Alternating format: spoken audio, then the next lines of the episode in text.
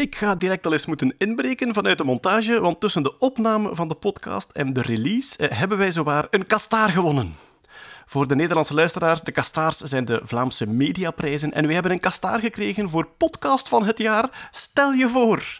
Ehm, hoe gemakkelijk awardshows ook te relativeren zijn, we zijn er toch heel erg blij mee. Ehm, het is ook een beetje per ongeluk, moet ik erbij zeggen, want we zijn vijf en een half jaar geleden begonnen in een tuinhuis met één microfoon en een navenante geluidskwaliteit. Met het idee, wij gaan eens een echte podcast voor de niche maken, voor de echte wetenschapsfans, die tweeënhalf uur kunnen luisteren naar wat er allemaal gebeurd is.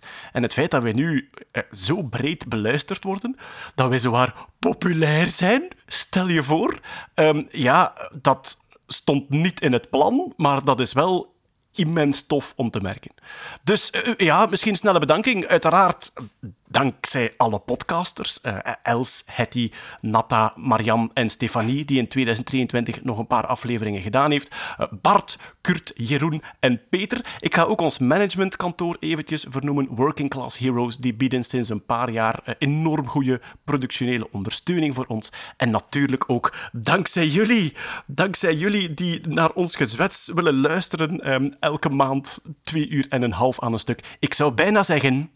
Hey, wij willen jou oprecht en hoogst persoonlijk bedanken omdat jullie naar onze podcast luisteren. Want dat betekent echt enorm veel voor ons. Dat betekent dat jij onze podcast wil beluisteren en dat je geniet van onze podcast. Dit is een podcast op wetenschap gericht. Wij zijn zelden van onwaarheden beticht. En wij zijn nog nooit voor corruptie gezwicht. Dit is het Nerdland. Maandoverzicht. Met uw gastheer Lieven Scheire. Een goede dag iedereen, welkom bij alweer een nieuwe aflevering van het Nerdland Maandoverzicht. Het is vandaag, maandag 22 januari. Wij kijken terug op de voorbije maand in wetenschap en technologie. De nieuwsjes die ons het meest zijn opgevallen. En wij, dat zijn Els Aerts. Hallo. Jeroen Baert. Hoi. Marian Verhelst. Hoi, hoi. Kurt Beheid. Hallo. En Hetty Helsmoort. Dag, lieven.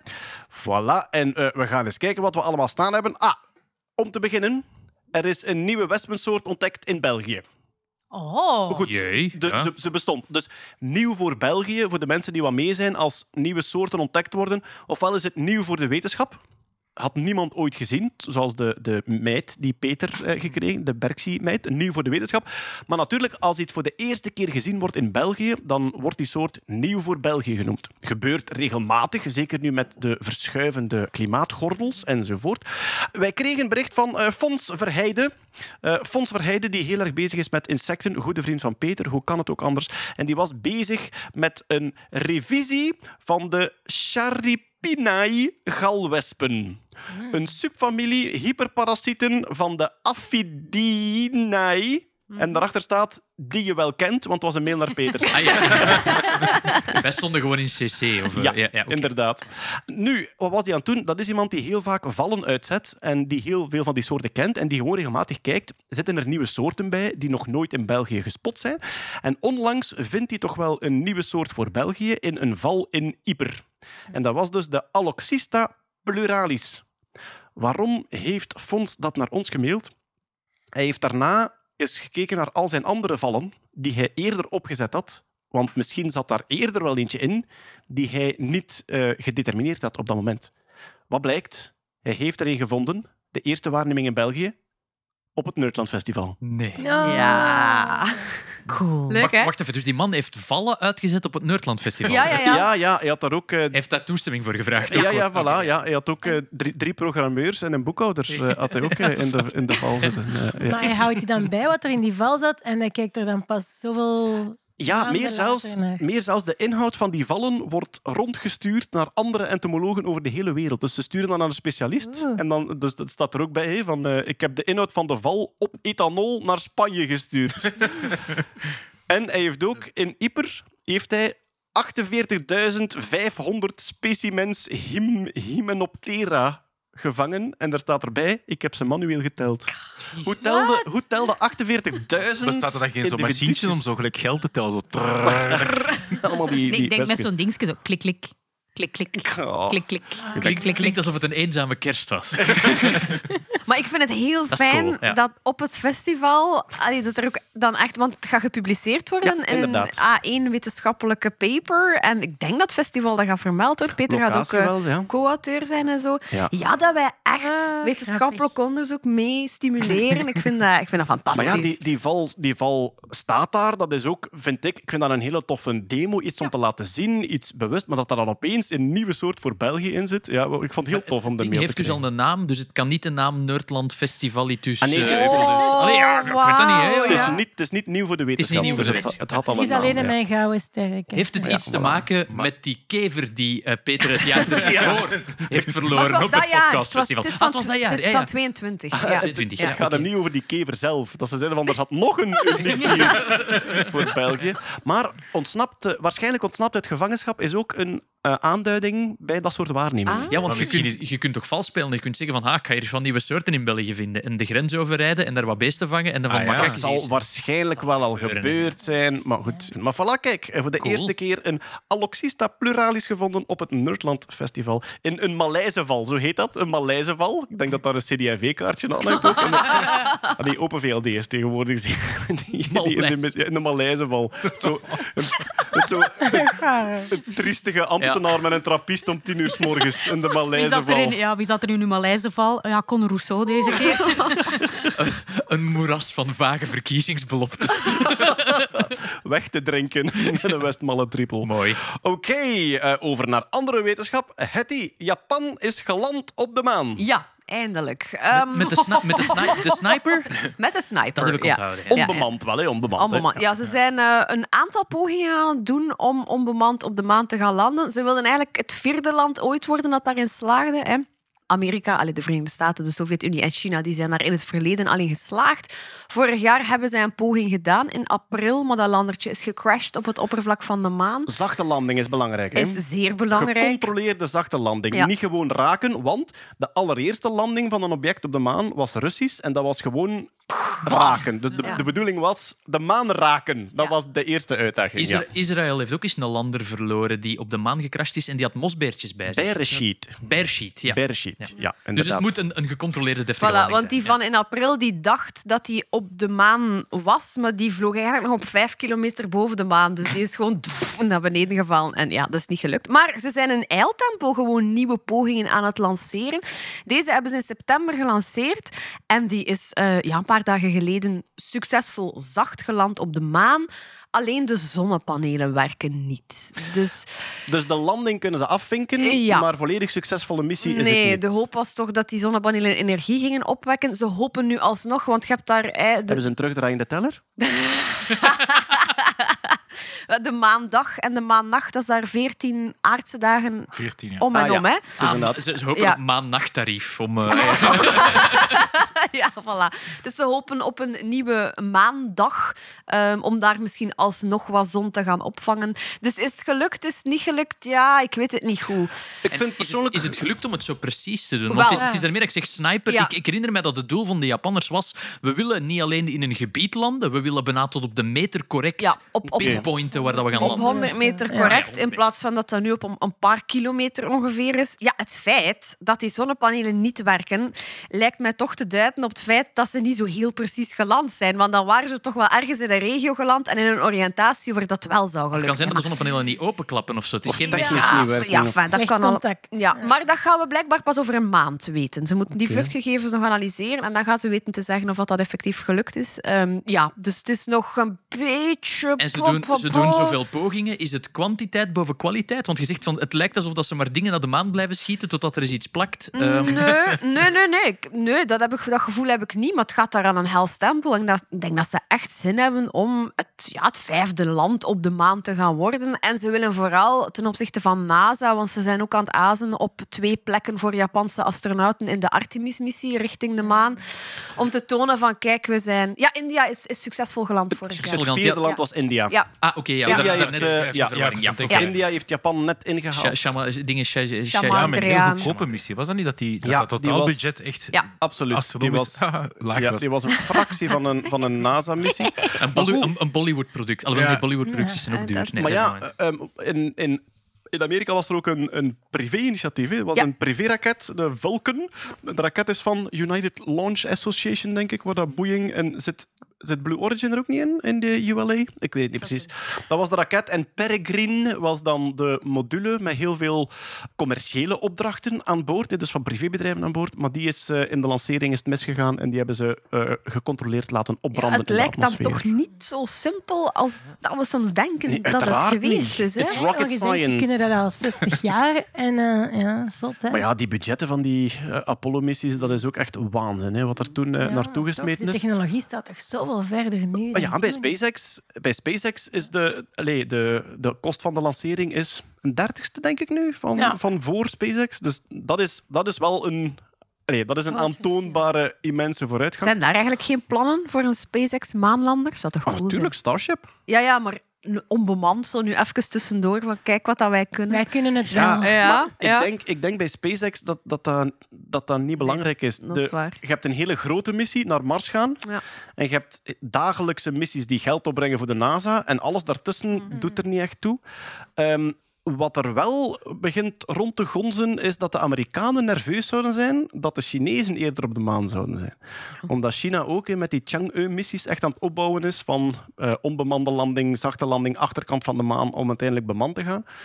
En dat er daar een paar aan het rekenen waren die zeiden van ja, maar ja, als China nu gas geeft en bij ons mislukken er een paar tussenmissies van die Artemis, dan zou het kunnen dat zij er eerder staan. En En eh, daar gaan we weer. Space Race 2.0. ja, Ah, maar ja. ja, maar ja, Hebben jullie het verhaal gelezen van? Het was, mij, het was deze maand was het terug opgerakeld, denk ik, omwille van een boek van de suïcidale astronaut. Het is een beetje nee. donker, maar wat dat het protocol is, als een astronaut tijdens een missie zegt ik zie het niet meer zitten. Het is blijkbaar één keer voorgevallen. Blijkbaar een mechanicus die mee was om een experiment te doen op de Space Shuttle 1985.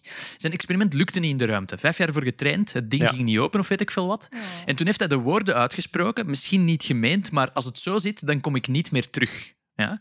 Wat dat een keten van procedures gestart heeft, waar dat ze effectief, hij zou op een bepaald moment ook gedreigd hebben om het luik open te doen naar buiten.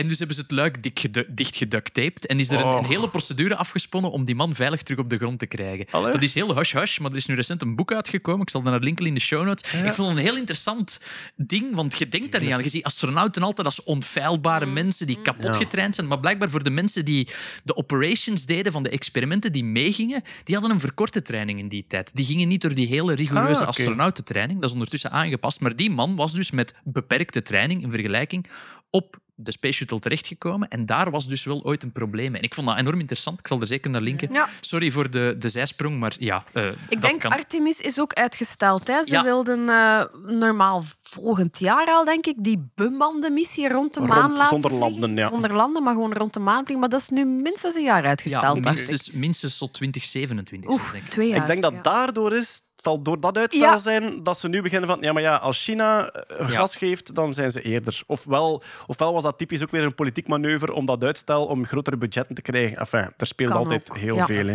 Ik denk, ik kan verkeerd zijn, maar er is nog nooit iemand overleden in de ruimte zelf. Hè. Boven de Karmanlijn, jawel, ehm, ehm, Russen, Russen in, een, in een space station die eh, zonder zuurstof gevallen zijn. Toch? De enige, ik denk, die staan bekend als, ik denk, de enige twee die boven de Von Karmanlijn... ehm, maar, En, en ja. heel veel diertjes. Ja, dat ook. Ja. ik ook. Ah, wel, daarover. Je sprak net over die Beresheet-missie, Ja. die ehm, mosbeertjes aan boord had, waarvan we weten dat die in een soort toen-state, een soort nog meer dan winterslaap, echt stand-by-modus, waar die 100 jaar in kunnen blijven zitten. Ehm, er is nieuw onderzoek van deze maand naar de mechanismen. Waarom mosbeertjes dat kunnen. En het zou gaan over, en ik ga af en toe een keer naar Hetty kijken, eh, de oxidatie van cysteïne. Dus cysteïne is een... Een aminozuur, denk Voilà, ik. ja. Cysteïne is een aminozuur dat je dus nodig hebt in de bouw van je, ehm, van uw eiwitten.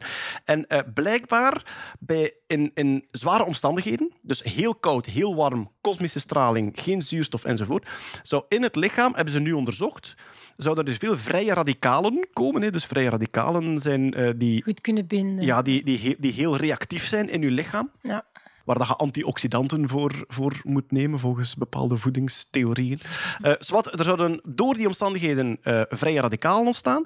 En ze hebben een mechanisme dat daardoor het cysteïne geoxideerd wordt. En dat triggert de hele biochemical pathway, waardoor dat ze beginnen in elkaar schrompelen en dehydrateren en in een soort tonneke gaan, tot als die omstandigheden weg zijn. Ja, het was, eh, het was nieuw Wat dat die gepubliceerd. mosbeertjes doen, is meer dan winterslaap. Het is eigenlijk bijna een totale... Free, Allee, niet freeze, is niet Ze het juiste staan woord. eigenlijk uit. Ze staan volledig uit. Ja, Ja. Het is echt een machine waar dat alle biochemische machinerie van uitstaat. Zo'n beetje like een drie lichamen probleem. Dat die Oh. zo, toch? Die verschrompelt. Geen Ah, is spoilers. de- Geen ja, ja. spoilers. Komt bijna uit op Netflix. Ja, Dat is waar, ja. Dat zijn geen spoilers, Nee. Dat is dehydrate, dat Ja, is het, hè? ja. Dehydrate, ja, in, eh, in een van die simulaties. Eh, maar, ja, ehm, er zijn al dieren bekend die volledig kunnen bevriezen. Hè? Dus die, die ingevroren echt kunnen uitstaan. Hè? Dus geen winterslaap of geen metabolisme. Ik denk zelfs geen hersenactiviteit, maar die compleet uitstaan. Een, een, vlin- een vlindersoort onder andere, de woolly bear. Maar ik denk dat de tardigrades de enige zijn die het zonder vriestemperaturen kunnen. Die het echt verschrompelen tot een soort hard bolletje en dan terug kunnen eh, tot leven Er komen. is ook veel onderzoek op arctische grondeekhoorns, omdat die in zeer koude temperaturen ook in een soort van superwinterslaap gaan. Die kunnen Ah, ook ja. hun- lichaamstemperatuur heel ver laten afdalen, verder dan eender welke ander zoogdierensoort. En die zijn ze ook aan het bestuderen van stel dat we astronauten nooit de ruimte insturen, hoe kunnen we dat systeem induceren? Ja. Eh, dat is ja, Oké. interessant. We hebben het daar ook ooit over gehad. Ik link er naar in de show notes. eh. Nog eentje over de maan. Eh, De NASA stuurt ook weer een robot naar de maan en je kunt uw naam daarop laten graveren. Oh, ik ben eigenlijk een beetje beu. Ik, ah, Echt, hè? Been ging- there, done that. ik ging, Ja. eh, Is al zoveel in de ruimte Maar nee, niet mijn naam. Maar ik, ik, ik, ik- oh, nee, het hoeft niet meer. ik ging inderdaad net zeggen van ja, alweer, maar ik sta er weer op. Eh, Sorry, Echt? ik ben verslaafd aan, Mijn dus... kinderen ook. ja, ik- ja oké, het staat Maar vast, hè, maar... ik denk, het is gewoon een manier om daar heel veel volk bij te betrekken. Tuurlijk. Als je Ja, ja. dan nu weet, oh, mijn naam, dan gaat het die een dag toch wel gaan die allemaal... Oh ja, kijk, vandaag is hij vertrokken. En weer met meer mensen voelen zich Ah, daar wel, weer dat is verbonden. absoluut de Ja. bedoeling. Maar, Maar is het een nieuw trucje? Nee. nee, Ik zou het leuker vinden, zou er een cameraatje aan boord zijn en een klein LED-displaytje dat eigenlijk op een loop al die namen telkens eh, in beeld brengt en daar een fotootje van trekt. Dat je effectief zo- je naam kan zien Dat was in de ruimte. hier, ja, Dat was tien jaar geleden of vijftien jaar Ja, geleden was dat een ding? Kickstarter. Ja. Hadden ze een satelliet waar dat ze Zo'n CubeSat. eh, ja, waar Ja. dat je ehm, je eigen selfie in de ruimte kon laten fotograferen. Maar ik denk dat hij Ik niet weet niet, ik denk dat hij er niet van gekomen is. Nee, ik, nee, ik, inderdaad. ik wacht op de volgende leuke stunt om veel Iets origineels. Ja, Wat dat ja. ik en Ja. Kurt nu aan het denken zijn, is... Hoe goed is dat formulier beveiligd tegen SQL-aanvallen? en hoeveel rommel kunnen we de ruimte insturen? Alles. Het is Ja, echt dat- ja. simpel. Ah, mijn naam, drop table sterretje. Insert sterretje. ja, een soort sterretje. Oh, Maar dus, eh, alsjeblieft. maar dus kijk, Maar ik was gewoon aan een sterretje in de ruimte. Ja, Welk maar sterretje natuurlijk. wat ik aan het denken?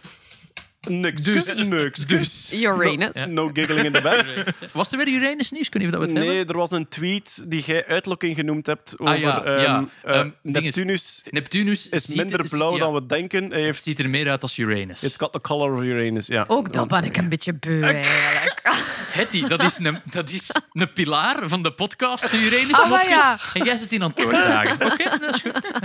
Dus ja, je kan je naam naar de ruimte sturen met een NASA-robot. We zetten de link in de show notes. Als je, het nog, als je het nog niet gedaan hebt of als je beu bent.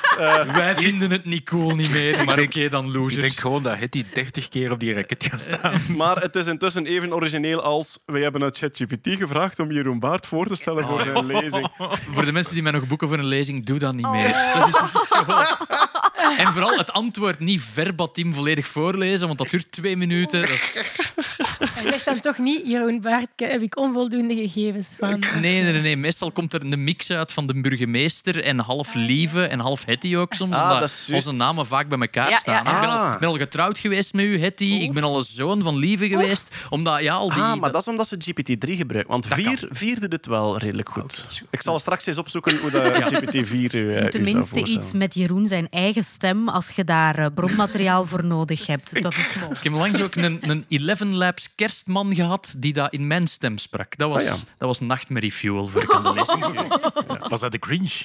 Ja, het was een creepy kerstman. Alright, van de maan gaan we naar Leuven.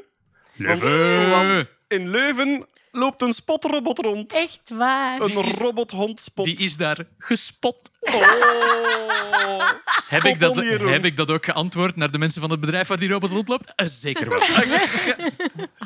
Nee, ik, heb eh, het, ik heb het de eerste keer gezien op de Instagram-pagina van Boston Dynamics zelf. Ja, ze maken er veel reclame mee. Ja, hè. dus ik zat op Boston Dynamics, ja, waar dat die supercoole filmpjes komen van die dansende robots. En opeens begint daar een filmpje te spelen en ik zie zo een robot rondlopen en ik zie zo een Stella Artois logo logo. En opeens hoor ik een zeggen... Ja, bij ons in de brouwerij proberen wij te zoeken of bier beter in de gaten te houden door deze spotrobot ontlaten. Vertel, Marian, waarover gaat het? Ja, hij loopt rond in de brouwerij van AB InBev in Leuven, 30 voetbalvelden groot. En daar loopt zo een hondje rond. En die checkt daar elke dag ehm, alle eh, motoren, pompen, compressoren op thermische, ja, met thermische beelden op oververhitting. En ook alle pijpen en valves en zo op, eh, door middel van geluid op lekken. Dus per sluk lekken. En die vinden, ik weet niet hoeveel, ja, almost failures, hè, dat, het, dat het binnenkort waarschijnlijk slecht loopt.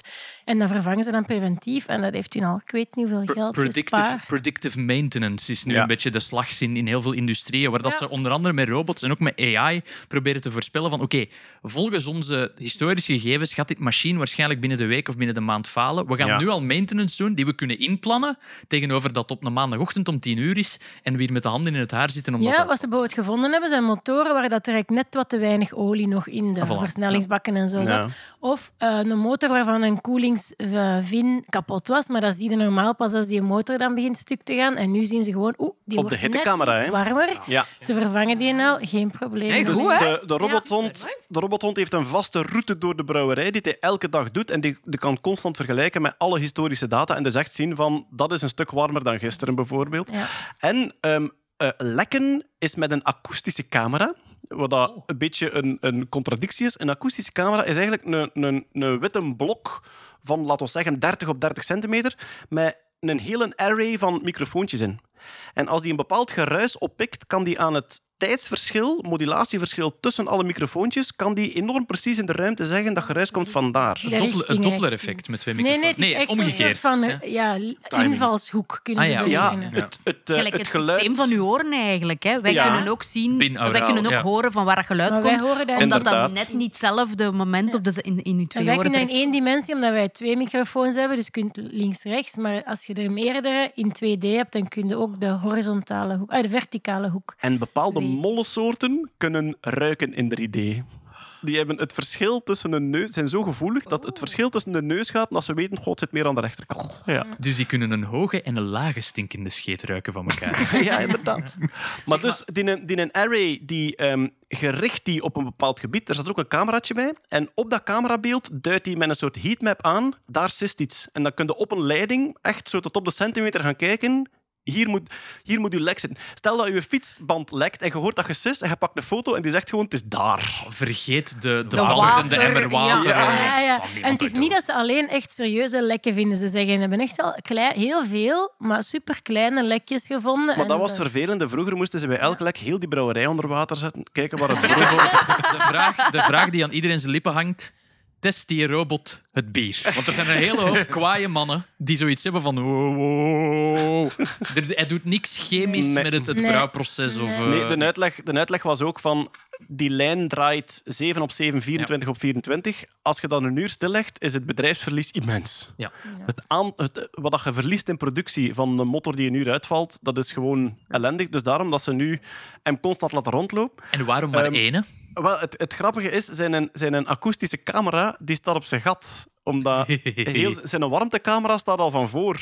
Dus er was geen plek meer. En dus, als hij een lek zoekt, dan draait hij non echt met zijn gat naar een leiding. Dus steekt zijn kont omhoog en dan zegt hij, er lekt iets. Dat is eigenlijk... eh, Als ja. hij mij gevonden heeft, hij heeft hem Dus zijn pootje heb jij op en dan Ja. markeert hem dat. Ja. Heb jij oren op je gat? Ja, Voilà. effectief. Een robothond met oren op zijn gat. Het is zoals Lieve zei, dat is een filmpje van Boston Dynamics om daar reclame voor te maken. En daar praten ze zo af en toe managers in het Engels en dan de techniekers echt is gewoon Vlaams. Leuvens, hè? Hond. En Onze dat is echt zeggen, ja, het is echt een collega geworden. Zegt hem een naam? Super schattig. Hij zal wel een naam hebben. Dus ik hoop ook dat hij een hondenhoksken heeft, gelijk bij SpaceX. Hè? Als je, als je bij InBev werkt, stuur ons de naam die Ja, de, de, Bobby, spot ondertussen, Bobby. ja. Spotty McSpotface. Eh, maar ehm, eh, ja, zo een, een, bij, bij SpaceX hadden ze ook een bij de lancering, hadden ze zo'n hondenhokske. Dan moeten ze het toch bij AB InBev ook maken. Weet wat? We bieden ons aan. We bieden ons aan, AB InBev. We gaan met Nerdland een hondenkot bouwen voor uw spot. Henk Ah. gaat dat. Ja, dat was het meteen outsourcen. Iedereen dacht het, Jeroen, maar jij zegt het. Zijn er plannen om meer van die honden in te zetten? Ze Want het is nu zeiden dat, ze, dat een, één- deze ja. een trialrun was en dat ze gingen uitbreiden. Want Zeg maar, als bedrijf, hij is tamelijk betaalbaar, denk ik, in, in professionele middels 30.000 euro of zo. Ik zag nu een staan, 50. ik zag nu een staan van 120, ja, Ah, van 105, oké. maar ik weet niet, want ik dacht ooit dat hij inderdaad dat hij ooit goedkoper Ja. gestaan had, maar ik weet Maar het niet. programmeerde die dan zelf in-house? Ik voor denk dat het- daar de kost het- zit, hè, Ja, gewoon oké. in het Ja, maar- programmeren en de Maar bij, datasets. bij, ja. bij Zora Robotics in... Ah nee, maar met Spot werken ze niet graag meer. Maar bij Zora Robotics in Oostende maken ze dat soort middleware. Hè. Dus Ja, maken ze ja, eigenlijk ja. software die het voor u gemakkelijk maakt om uw robots te Ja, bedienen. ik denk dat je vooral Spot zelf kunt je niet zoveel aan programmeren, want het is helemaal closed property. Maar de sensoren dat erop staan, ja, die kunnen wel volledig uiteraard programmeren en uitlezen en, en hoe dat je het zelf wilt. Wel, dat was het probleem. De, de robotvoetbalploeg van Nederland heeft ook een spot gekocht. En die zeggen, de beveiliging om nergens tegen te lopen is zo goed dat hij niet op een bal wil schoppen. Ah, ja. Oh my god! Ja, en, je- en je kunt dat niet overrulen. Ah, Dus daarmee hebben ze een goedkope Chinese gekocht, waar je wel alles mee kunt doen. Zonder beveiliging. Ja, voilà. Op alles. Met gevaar voor eigen leven. Ja. Alright, maar kijk, eh, eh, wie, wie wil loop- gaan kijken? Loopt ja. je dan de hele tijd echt zo exact hetzelfde ding? Want dan gaat Ja. toch een patje dag, uit, ja. uitlopen op de duur op de vloer. Ja, maar dat doen die arbeiders daar ook. Hoor. Ja, ja. Echt zo zijnzelfde toerke, inderdaad. Ja. Eh, ja, er is er een link met Michael Reeves, die eh, een spotrobot bier doen pissen heeft. Dat is toch het ideaal? Eigenlijk moeten ze die uitnodigen bij ABN. Dan beginnen die twee ruzie te maken. Dat lekt hier, dat lekt En dan- hier. En dan laten ze die Heineken pissen of zo. Voor, voor kantussen in Leuven. Dat is, ja. dat is wel een winnaar. Zo. Om de spot s'avonds iedereen in zijn bakken laten En dan ook die, een- Had voendoem. Ah! en dan die, die een bierpisrobot ook zo laten paren met die van ABN Bef. In een filmpje ook. Oké, we wijken af. Ander onderwerp. En we Ander wijken af. onderwerp. Inderdaad, een ander onderwerp. Want Kurt, Tetris, Tetris is uitgespeeld. Ja, ja. eh, Het is een lang verhaal. Het is een lang verhaal. Het komt er eigenlijk op neer. Ding, ding, ding, ding, Tetris, ding, ding, ding, Klinkt, ding, klinkt ding. alsof het een menselijk genoomverhaal is. Tetris is eindelijk uitgespeeld. We hebben het over het originele Het originele Tetris-spel. spel voor de NES, voor de Nintendo Entertainment System. Dus niet Hoe voor de Game is Boy. het? Eh, het is 34 jaar oud. Het is uitgekomen in 1989. En ehm, ja, in die tijd is het gemaakt geweest van, ja, je speelt dat en op een gegeven moment gaat het zo snel en kun je gewoon niet meer verder. En ah, dan crasht je niet, maar dan ehm, is het game over, want je bouwt tot tegen de bovenkant. En ehm, ja, het is gewoon zoveel mogelijk punten halen. En eigenlijk is het zo gebouwd dat eigenlijk vanaf level 29, dus iedere keer als je blokjes, als je lijntjes wegdoet, per 10 lijnen gaat een level omhoog. En vanaf level 29 gaat het eigenlijk zo snel dachten de makers dat het fysiek niet mogelijk is om snel genoeg op de knop te duwen om eigenlijk blokjes naar de zijkant te brengen. Ja. Voilà. Tot dat in 2011 ehm, was er een, een Thor Eikerlund, en die had een nieuwe techniek gevonden. Die was zo die knoppen een beetje aan het masseren, zo hypertapping, waardoor het hem toch nog sneller kon doen. Ah, dus dat je ja. in plaats van echt te duwen, dat Ja, je met twee heel, vingers erover wrijven. heel zo. subtiel en Ja. kunt... Ja. Dat is verboden in blokken nu. Wow. Dat mag niet. Ben Krabbe, ik ga er streng op toe. Er worden hier geen knoppen gemasseerd. En, en toen is hem eigenlijk tot, tot level 38 zijn ze toen geraakt. Cool. Omdat Ik ze denk dat dachten- een Thor heel eh, populair is bij de ladies. Wacht, maar er komt nog een nieuwe Ik techniek. zal, ik, zal, ik, zal, ik zal met een lange balk er eens komen. Dat, dat heeft toch iets vaag erotisch. Als je zo'n lange Tetrisballen krijgt en je kunt die zo juist nee. kom op. Oh, Iedereen denkt dat. lijntjes En weg. vier lijntjes tegelijkertijd. ja. Oké. Maar bij, bij, maar bij Cynthia op level level 38 geraakt. Dus dat was Hypertype. En dat is een nieuwe techniek. Want ja, is dat is zo'n beetje zo. Er is een gigantische community rond Tetris Ja, ja. om zo ver mogelijk in dat spel te geraken en zo eigenlijk de fysieke blokkades te overwinnen. Eh, een- dat is een nieuwe techniek en dat was de rolling techniek. En eigenlijk die techniek is die daar nu nog altijd heel veel gebruikt wordt. Moet je inbeelden, zo het kastje van de. Nintendo. Nintendo van vroeger, zo de, vier pijltjes en dan zo A en B-toets. Het is die in Nintendo, de, oude, de allereerste. Als je dat toetsenkastje van- B om naar links of naar rechts te gaan, als je dat zo van onder en van boven tussen de vingers laat klikkeren, dat je eigenlijk met je duim en je wijsvinger onder dat kastje heel snel over en twee drukt, dat was toch genoeg snelheid om dan in die hele snelle levels toch je blokjes, ja, met veel treinen natuurlijk. Maar er is Ja. nog een nieuwe, hè? Dat is de, dat is de nieuwste techniek die gebruikt wordt. maar die, die, die gebruiken ze zo met, met hun vingers. Dus ja. Ah, dat is eigenlijk het- je duwt, je je uw toets een klein beetje in en in plaats van op uw toets te duwen, laat de, ga de met, uw, met uw vier vingers op de achterkant, zo gelijk dat je op, Ah, maar dat is die, op roll- tafel... ja, dat is die rolling techniek. Oh. Dus dat, en zo, zo tikte op de achterkant. En die Ja. vibratie is genoeg, Ja. die is genoeg om uw contactje van uw knop eigenlijk heel snel te laten gaan. Ja, voilà, dus inderdaad langs de achterkant tikt die pas. Maar de moeilijkheid, de moeilijkheid is... Ik dat je proberen uw- vanavond. de, de moeilijkheid is dat je je kasken maar met één hand kunt vasthouden, want je hebt je andere hand nodig om te rollen. En dus je ziet er sommigen zitten die dat kasken tegen de tafel klemmen en ook Tegen in hun been. die tegen zijn voet klemmen. Ook, ook nog een bijkomstig Maar ding dat is is. als lesbische porno, draaien ik te zweer doen. het. Dat is- nee, dat is om Dat het blokje naar links of naar rechts te bewegen. Ah, heen ja, en weer ja, te gaan, ja. Maar Maar- dus, ja. een bijwerking daarvan is dat je handen heel snel blijnen krijgen. Dus je ziet al die mensen dat dat spelen met één handschoen, echt Michael Jackson-stijl, met één handschoen de kastjes te bedienen om zo tegen blijnen te gaan, om zo lang mogelijk toch te kunnen trainen. Ja. Want ja, die mannen die trainen drie tot vier uur per dag minstens. Dat is, dat is wel heel moeilijk als je uit je computerkot komt met één handschoen aan. Kleine. Ik heb getraind op de rolling techniek. Het was Ja, Tetris. Ook verboden bij blokken trouwens, want er Ja. zit een desk tussen. Dat gaat niet. Je kunt er niet van onder dat kloppen. Ja, en zijn robots daar beter in? Sneller? Em- emulatoren. Ze hebben wel al, ze hebben met Ja. software, dus ze hebben al Ah, ja. software-systemen gebouwd die het spelen en die al veel verder geraakt zijn, maar nog nooit fysiek. Ja, dat wordt ook gedaan. Maar eigenlijk, er zijn gewoon competities met die specifieke NES-versie, dus de originele versie Ja. op originele Nintendo Entertainment Systems met de originele kastjes. Heel strikt, je mocht geen emulatoren en zo dergelijke gebruiken. Het is echt de fysieke barrière. En dan, ja, hoe, hoe spelen dat spel uit? Ja, dat blijft eindeloos levels genereren.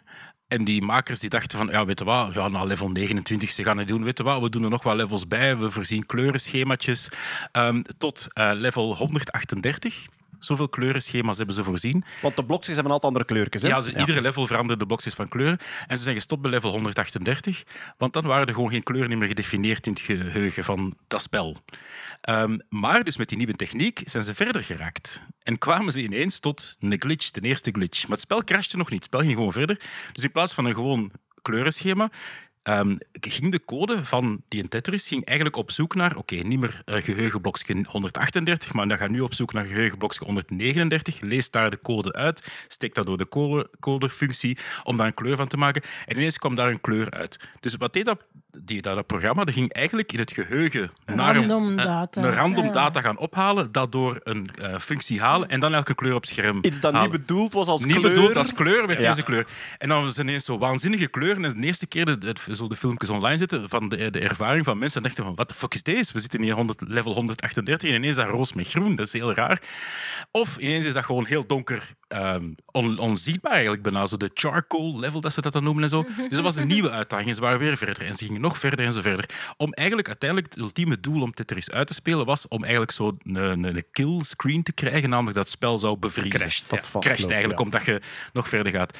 Ehm, dus dat was tot level 138. Ehm, en op dat moment zijn ze eigenlijk wel met emulatoren begonnen en zelfs ook met AI te gaan kijken van oké, hoe kunnen we dat spel nu doen crashen? Zo computersimulaties te gaan doen.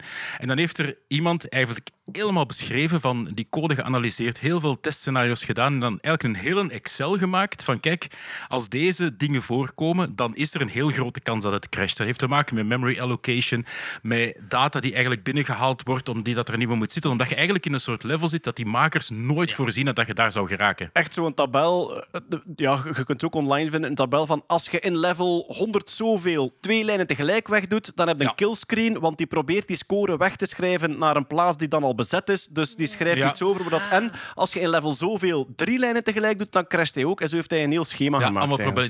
En dan was het, de race was on. En Ja. dat waren gewoon echt online mensen die gewoon in een NES-console... Iemand wou dat als mens kunnen. Ja, dat was de race Ja. tussen twee of tussen een aantal topspelers die dat zo ik weet niet van het trainen waren om om ter het eerste...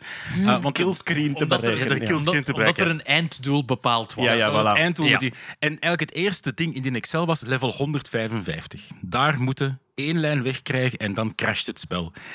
En op een gegeven moment is er een aan het, aan het streamen, een, een Blue Cutie. Twee weken geleden, denk Twee ik. weken, hè? ja, begin januari inderdaad.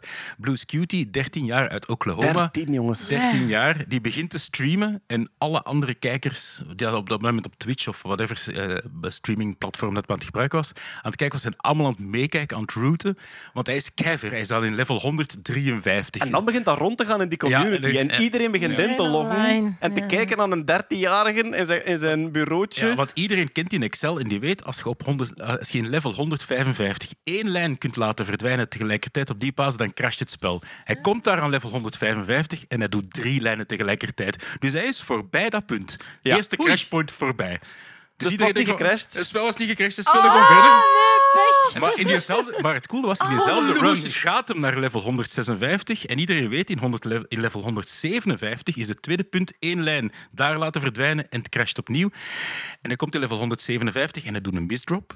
Wat wil zeggen dat er een blokje iets te ver zit, waardoor dat er een lijn niet verdwijnt. En hij is aan het stressen en uiteindelijk toch wel. Hij slaagt erin om één lijn te laten verdwijnen. En het spel en je moet echt allemaal het filmpje zien, als je het nog niet gezien hebt, de euforie op die 13-jarige van Oh my god, I did it! Ah, I crashed again! Ja, maar euforie, het is, het is, Het is het hyperventilatie en het is, je kunt je ergens inleven in dat gevoel, want iedereen die al een keer een late kampioenengoal in de voetbal gezien heeft, die heeft een vleugje van dat gevoel meegemaakt. Maar als je die... Kampioenschap van Antwerpen dat vorig jaar. Maar als je, als je die een klein 13 jaar en die weet, heel die community is live aan het kijken en het is heerlijk om te zien. Het is het Maar- grootste nerdgasme Ja. dat ik in de laatste Hoe jaren weten we dat dat nog nooit eerder gebeurd is? Dat er niet ergens een Rus twintig jaar geleden in een of ander donker hok Niet. dat ook Pixar, al... die- Niet Pixar opgenomen. didn't happen. Ja, maar die, die, die, Ah, ja. community, die community kennen elkaar Ja. allemaal. En al die trucken, die hypertapping en die rolling techniek, die bestonden nog niet toen. Dus die zou dan volledig op zichzelf Ja. twee nieuwe technieken moeten verzonnen Ja, hebben. die, die hypertapping, de eerste techniek om voorbij die level 29 te geraken, is eigenlijk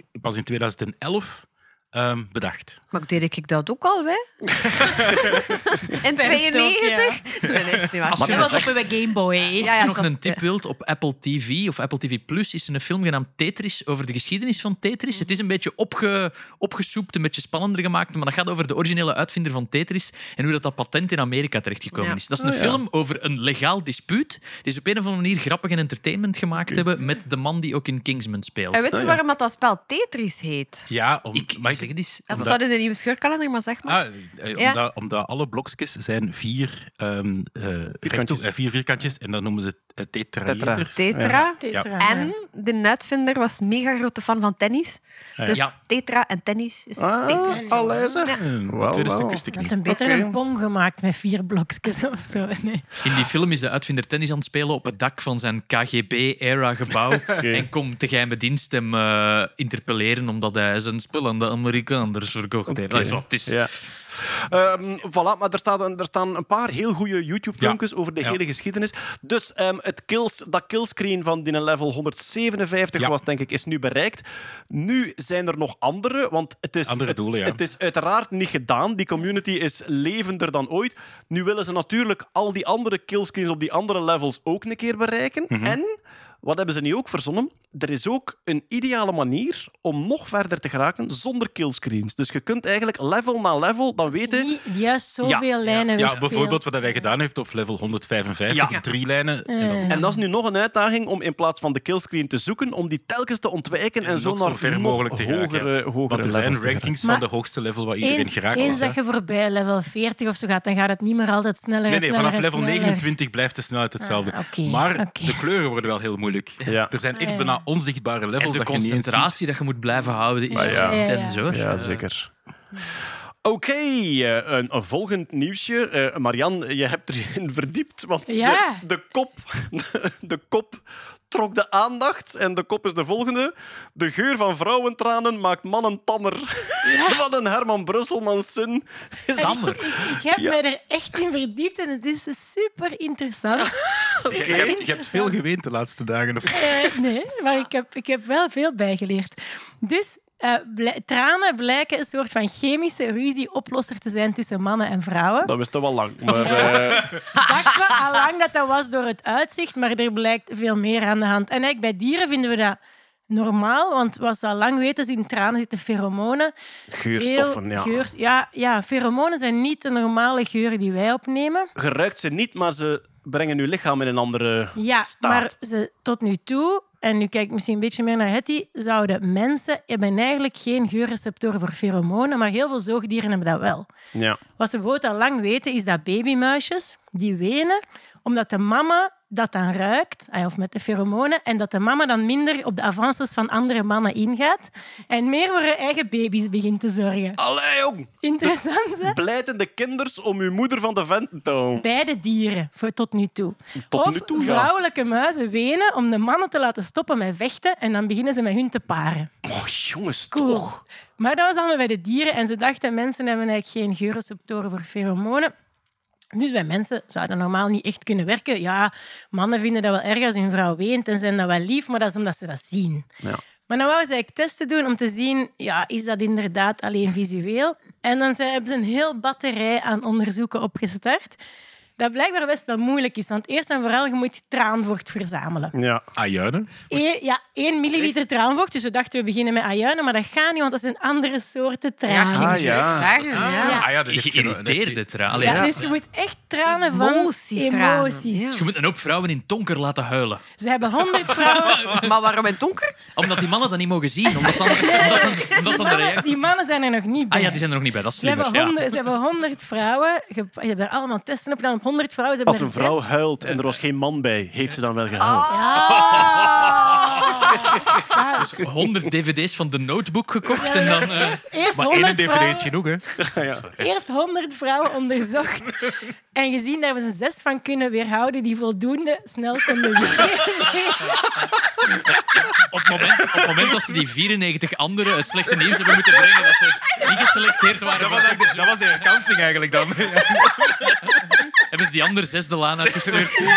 Dat Ja. blijft iteratief doorgaan. Wat dan nu. Die zes mochten dan ofwel met droevige muziek of met, met brieven. Met brieven. Ja, of met vooral films. Dat was wel jij daar. Dank je dat je mijn cd gekocht hebt. Want dankzij jou kan ik... Voilà. Dus daarmee hebben ze dus een paar milliliter traanvocht verzameld. Dan, dan hebben ze 25 mannen gevonden. Die... Zo aan het lokken met dat traanvocht. Zo. Nee, nee, nog niet. 25... Niet te laten, Marianne. Ja, dokterraden, maar die tellen niet zeker. Hè? Ja. Inderdaad. 25 mannen en die moesten dan... en dan- Ik ga opnieuw beginnen. Vrouwentranen, altijd grappig. Je zegt dat dat mannen tammer maakt. Ik word daar een beetje op... Ik ben de enige dat er een beetje opgewonden van wordt. Dat is mijn dingetje. Oké, ja. Ja, Marianne. 25 mannen moesten een agressief computerspel spelen. En ze dachten dat dat tegen een mens was, aan de andere kant van de computer. Maar dat was eigenlijk een, computer dat ze tegen speelden. Ja. En die computer die ging eigenlijk binnen vals spelen. Die ging bijvoorbeeld geld afpakken en eh, die mannen Ja. pesten. En die mannen konden kiezen, ofwel ik laat het gebeuren, ik speel mijn spelletje verder, of ik pest mijn tegen, ik wreek mij op de tegenspeler. En dan gingen ze meten hoe vaak wreken die mannen zich en dan zagen ze hoe agressief die waren. En dat deden ze natuurlijk een keer met een potje traanvocht dat ze zou moeten ruiken en een keer met een potje zoutoplossing Placebo, ja. dat ze moeten ruiken. En wat blijkt?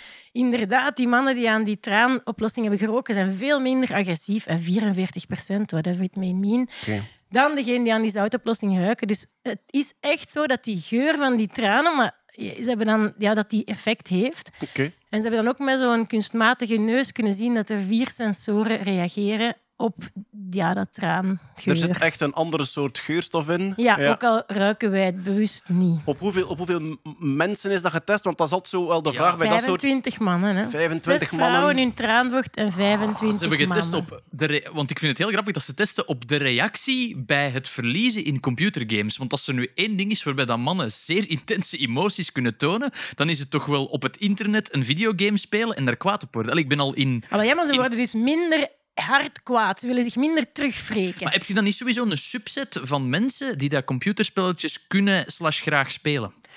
Oh, dat, ja, dat Maar weet ik niet. sowieso- Maar wat ze hebben, hebben, ah, misschien moet ik er dan nog bij zetten. Ze hebben terwijl dat die spelletjes gespeeld werden ook wel MRI's gedaan. Ja. Ah ja. En ze zien ook dat er eh, minder activiteit is in de prefrontale cortex en wat dat noemt het left anterior insula. Blijkbaar zones die in verband kunnen gebracht worden met agressie. Ja. En dat er meer activiteit is in je geurcentra, oké. maar ook in de link met de amygdala, dat je Amygdala, emoties zou eh, reguleren. Dus wetenschappelijk kunnen ze wel zien dat er van alles gebeurt. Ah, wel, maar Die Russische negenjarigen die mij in Counter-Strike uitmaken en dingen over mijn moeder zeggen, die moeten een beetje vrouwentranen snuiven Ja. om... eh, Oké, ja. ja, je kunt dat, je kunt dat doormailen ook. Hè. Sikkelbliet! Nee, kom. Rustig, Igor. Nu, het, Maar- cool, het coole is... dat we- Ja, sorry, zeg maar. En maar ja, de, de, de methodologie van dat soort onderzoeken vind ik altijd heel belangrijk om naar te kijken. Ja, Met hoeveel waren ze? Is het statistisch relevant? Want je kunt in een proef ook doen op drie mensen en toevallig iets uitkomen. En ik zeg absoluut niet dat het hier niet zo is, want er zijn hele goede technieken om ook met minder personen toch statistisch relevante dingen uit te komen. Hè. Dus eh, we zouden Zeg dieper maar het moeten begin, bekijken. hè, de eerste studie. En was er een verschil tussen de verschillende tranen van de vrouw? Of was het allemaal hetzelfde? Dat stond er ook niet Ze bij. hebben een mengeling gemaakt, Ja. waarschijnlijk. Melange. Maar eh, ja, het is inderdaad een eerste studie. Ik denk dat ze er veel meer mee gaan doen. Nog, ze Ja. zijn er al lang mee bezig, maar gewoon de complexiteit van dat verzamelen en zo was al veel werk. Mhm. En wat ze nu bijvoorbeeld willen testen is, is het alleen vrouwentranen op mannen of ook vrouwentranen op vrouwen, mannentranen Ah. enzovoort. Alle combinaties. Ene pot nat. Ja. Maar, Oh, oh, dat is een mooie maar rode ja, jas. interessant is bijvoorbeeld ook babytranen op volwassenen. Ah, en zo van die allemaal interessante relaties tussen mensen. Maar dus En- eigenlijk, het- Ja. het- er zit een stof in die we niet kunnen ruiken, maar die, die elektronische neus dat je zei, die kon je wel die waarnemen. Ja, die, die triggert er wel op. Maar een van de volgende stappen is dan toch om die moleculen synthetisch aan te maken. Ja, voilà. En dan ergens in parfums Venten te kalmeren. Nee? In een voetbalstadion. Ah. Ja. Dat in zo'n stokken Bengaals vuur steken. We mogen nergens man meer zijn. Ze willen ons overal rustig houden met vrouwen te gaan. Ik zie je graag. Ik vind het niet erg meer. Ik vind het plots niet erg meer.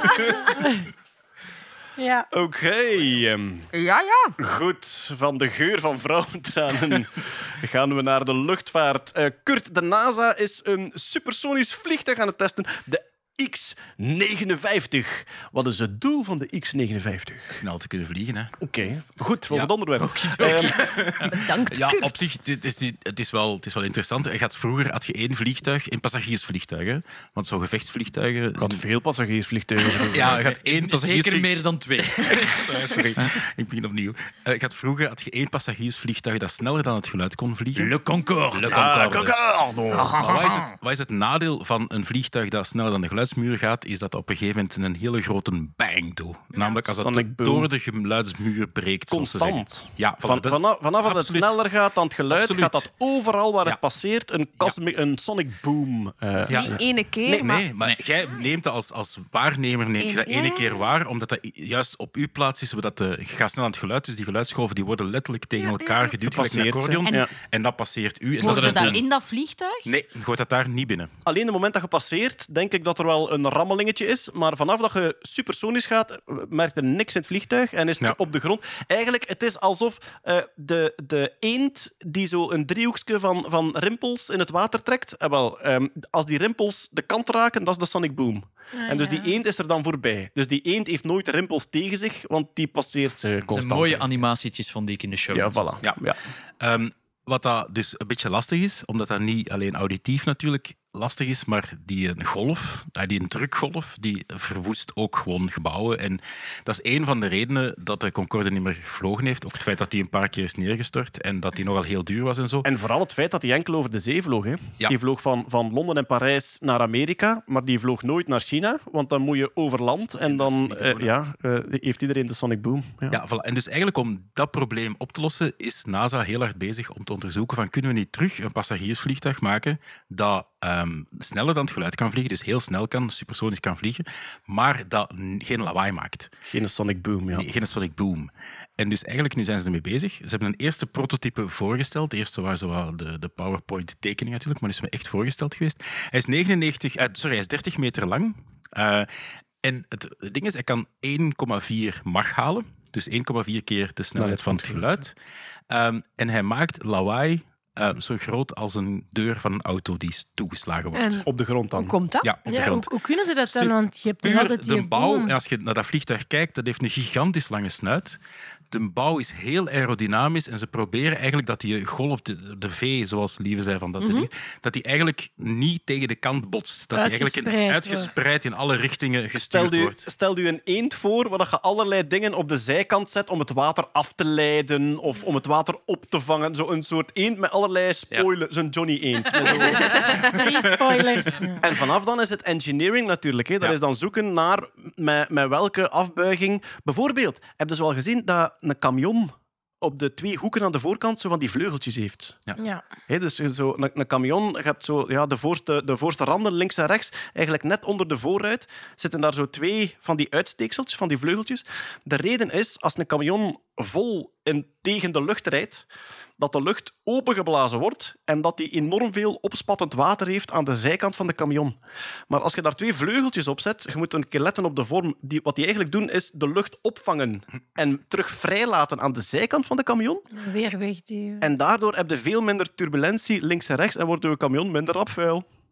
En dus met dat soort trucken kun je waarschijnlijk die Sonic Boom ook een beetje... Ja, en een tweede argument is, niet dat ze daar al direct resultaten van hebben, want hij heeft nog niet gevlogen, is dat ze wel hopen dat hij door minder die weerstand te hebben, dat hij ook gewoon iets efficiënter, Efficiënter, ja. en goedkoper dus kan Minder drag. Ja, minder En wat drag. was het nieuws over de X59 het voor de voorbije maand? Hij is nu voorgesteld. Oké. Hij is nu Ah, ja. echt ge, ja, voilà. En wanneer, kunnen we er, allee, wanneer kan er iemand in vliegen? Wanneer wordt die gebouwd of gemaakt? 2027 proberen ze het eerste Commercieel, hè? echte entire mission is expected to run dan. Maar dat is commercieel. Er- Ze gaan wel testen tussen nu en dan. Eh, ja, de testen starten in 2026 en in 2027 hopen ze daarmee effectief. Want intussen is, eh, intussen is Boom Supersonic ehm, ook al een nieuwe Concorde aan het bouwen. Hè. Boom Supersonic is, een, is een, een vliegtuigconstructeur.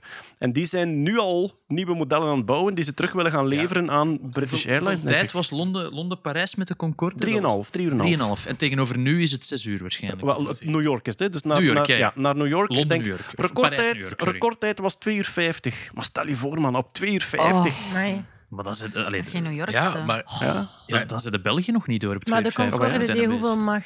Is dat ook één? Die mag veel. Ja. veel. mocht- ja, ja, veel. Mocht veel.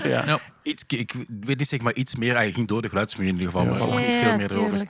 Maar ik denk Ja. vooral, ja, waarom de NASA achter zit, ik denk dat ze als ze deze research en development om die drag, ja, dan gaan ze op hun raketten en, en, en een nieuwe space shuttle of op ruimtetuigen ook allemaal kunnen gaan Komt toepassen. nog Concorde. Concorde had een maximum cruising speed van 2,04 Mach. Dat vind ik wel heel veel. 2,04. 2,04. Wat is dat, Dat is 2000? maximum cruising speed. Ik Dat zeg is meer niet- dan 2000 km per uur. Is dat, zo? eh, dat is eh, 2179 km per uur. Damn.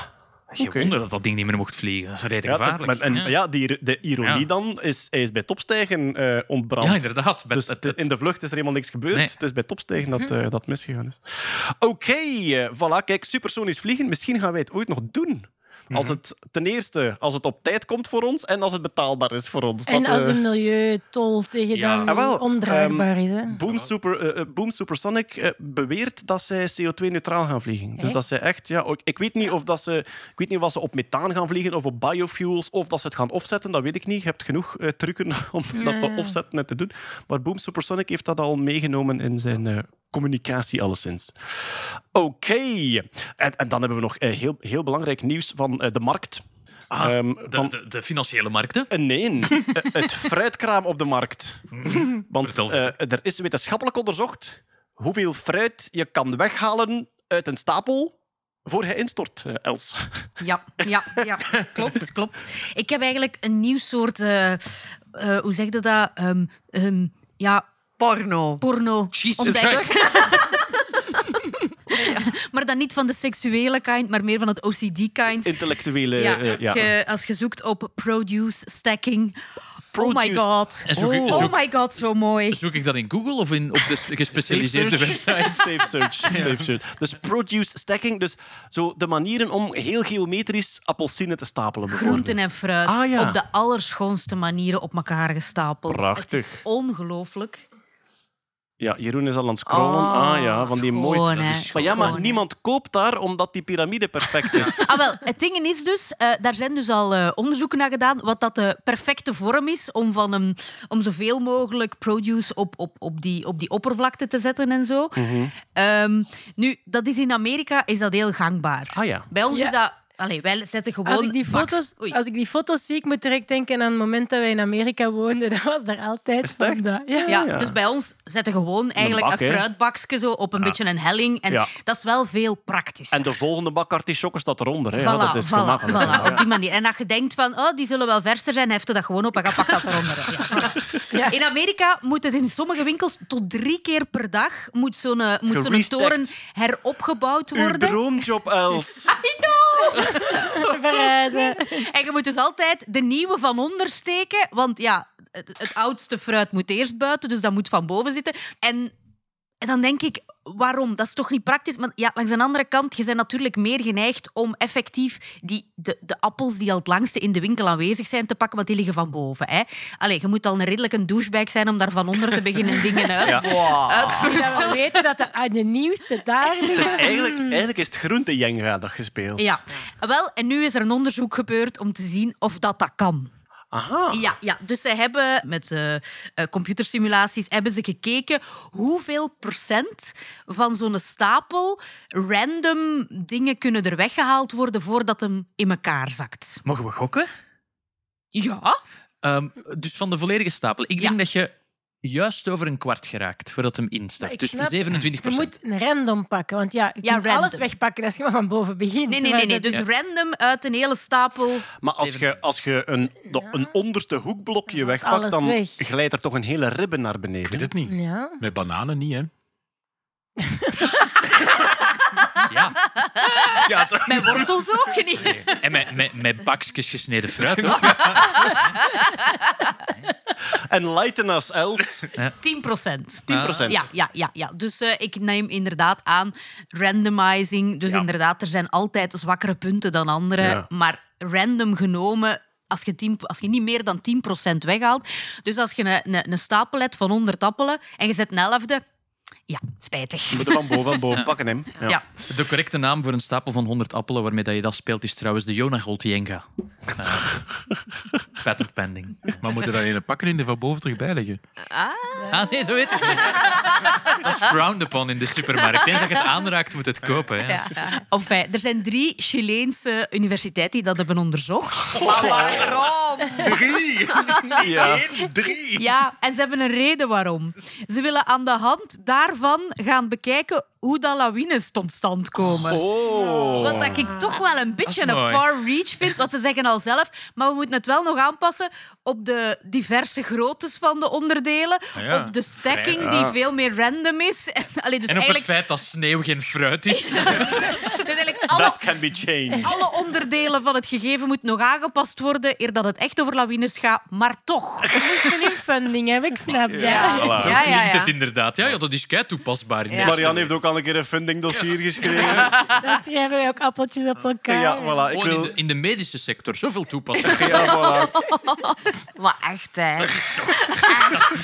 hoeveel, hoeveel aanvragen dat ik vroeger heb goedgekeurd van ja, zit er maar een medisch voorbeeld bij ook. Kom. Het zou lopen tegen kanker. Dat is niet waar, hè. dat is een fictioneel. Oké, dan is het nu onherroepelijk tijd voor...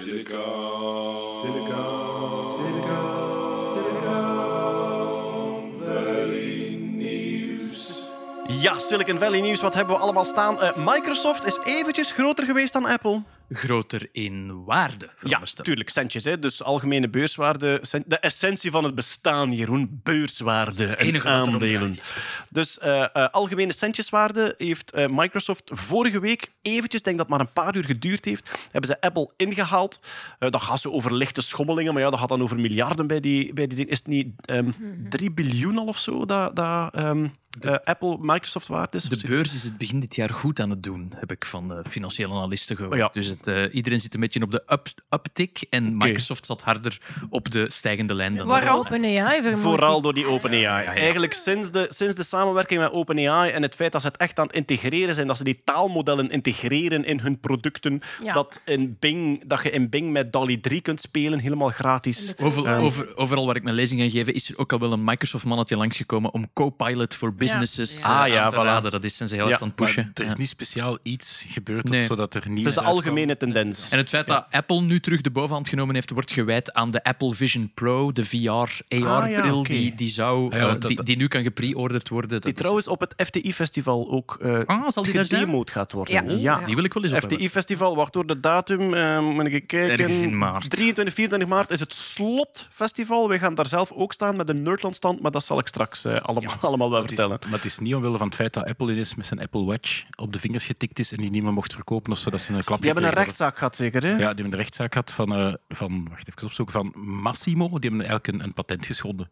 Ah ja, Die kunnen de, de, de oximeter, zoals het heet, zuurstofgehalte die in dat uw bloed. zuurstofverzadiging meet, die hadden ze gepikt. Ah ja. En dan heeft, hebben ze gezegd, je mocht die niet meer verkopen. Dus nu is Bij, die beide bedrijven zijn het gewoon heel goed aan het doen. En toevallig is Microsoft een dag er bovenuit gekomen. Ja, goed, maar als je kijkt naar de historische koers, denk dat ene keer eerder gebeurd is, een jaar of drie geleden, dat Microsoft heel kort Apple ingehaald heeft. Maar nu is het echt wel heel duidelijk door die een blijkbaar toch hele goede move om OpenAI zo dicht bij zich te betrekken, dat ze nu, ehm, eh, ja, het lijkt op lange termijn dat Microsoft eh, Apple zou kunnen inhalen. En te integreren met hun cloud-producten. Microsoft cloud. verkoopt al een, eh, een decennium de cloud aan Ah, bedrijven. En nu zeggen ze tegen die bedrijven, als je al je bedrijfsgegevens al in de cloud hebt zitten, dan kunnen wij er AI op trainen om jouw Ah. bedrijfsprocessen te helpen.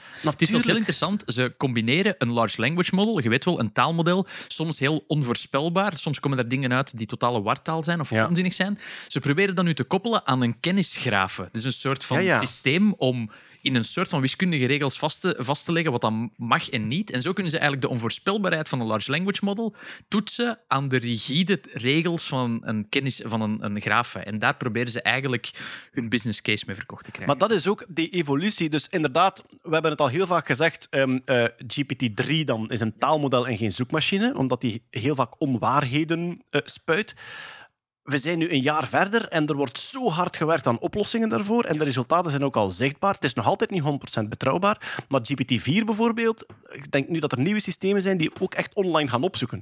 Dus als je vraagt wat is de geboortedatum van die persoon, in plaats van dat hij gewoon taal produceert, gaat hij echt gericht opzoeken wat die geboortedatum is en het u dan vertellen. Wat het is moeilijker om die systemen te laten hallucineren, zoals ze zeggen. Dat heb ik zo Ja. ook al gemerkt. Zeker voor bedrijven hebben nu die enterprise-versie van GPT. En dat is eigenlijk een model dat is gefine-tuned om de data van uw bedrijf. Dan kan je niet Ja. gewoon vragen, wat weten we over dit onderwerp, maar wat is er in ons bedrijf al gedaan hier rond? Ja, Kun je dan ook zo interne roddels opvragen? Wat weet je over Nancy? Als dat zo getraind is, kunnen Maar dat is interessanter, want dat is bijvoorbeeld niet getraind op alle fora van het internet waar het over katjes pijn doen gaat. Ja. Waar dat de officiële GPT is getraind op alle tekst op het internet. Ja, ja. En daar zitten ook slechte dingen in. Voilà, eigenlijk ja, ehm, eh, ja GPT-systemen die heel erg toegespitst worden op wat je er specifiek mee wil doen in plaats van algemeen te zijn. Ehm, daarbij komt dat eh, eh, ChatGPT nu een soort app store heeft. Zij noemen het zelf een GPT-store. Je kunt, eh, je kunt binnen ChatGPT, als je een betalend account hebt, dan kun je heel veel eh, pre-gestuurde GPT's activeren. Dus mensen die zelf hun GPT-systeem wat bijgestuurd hebben met voorbeeldteksten of met instructies van je moet eh, klinken als deze persoon Een of goed gelijk voorbeeld wat. is Thomas Winters, die de Marcel-bot gemaakt heeft. Als je bijvoorbeeld ChatGPT op voorhand traint met je bent Marcel, je houdt van taartjes, uit ja. En Mariette.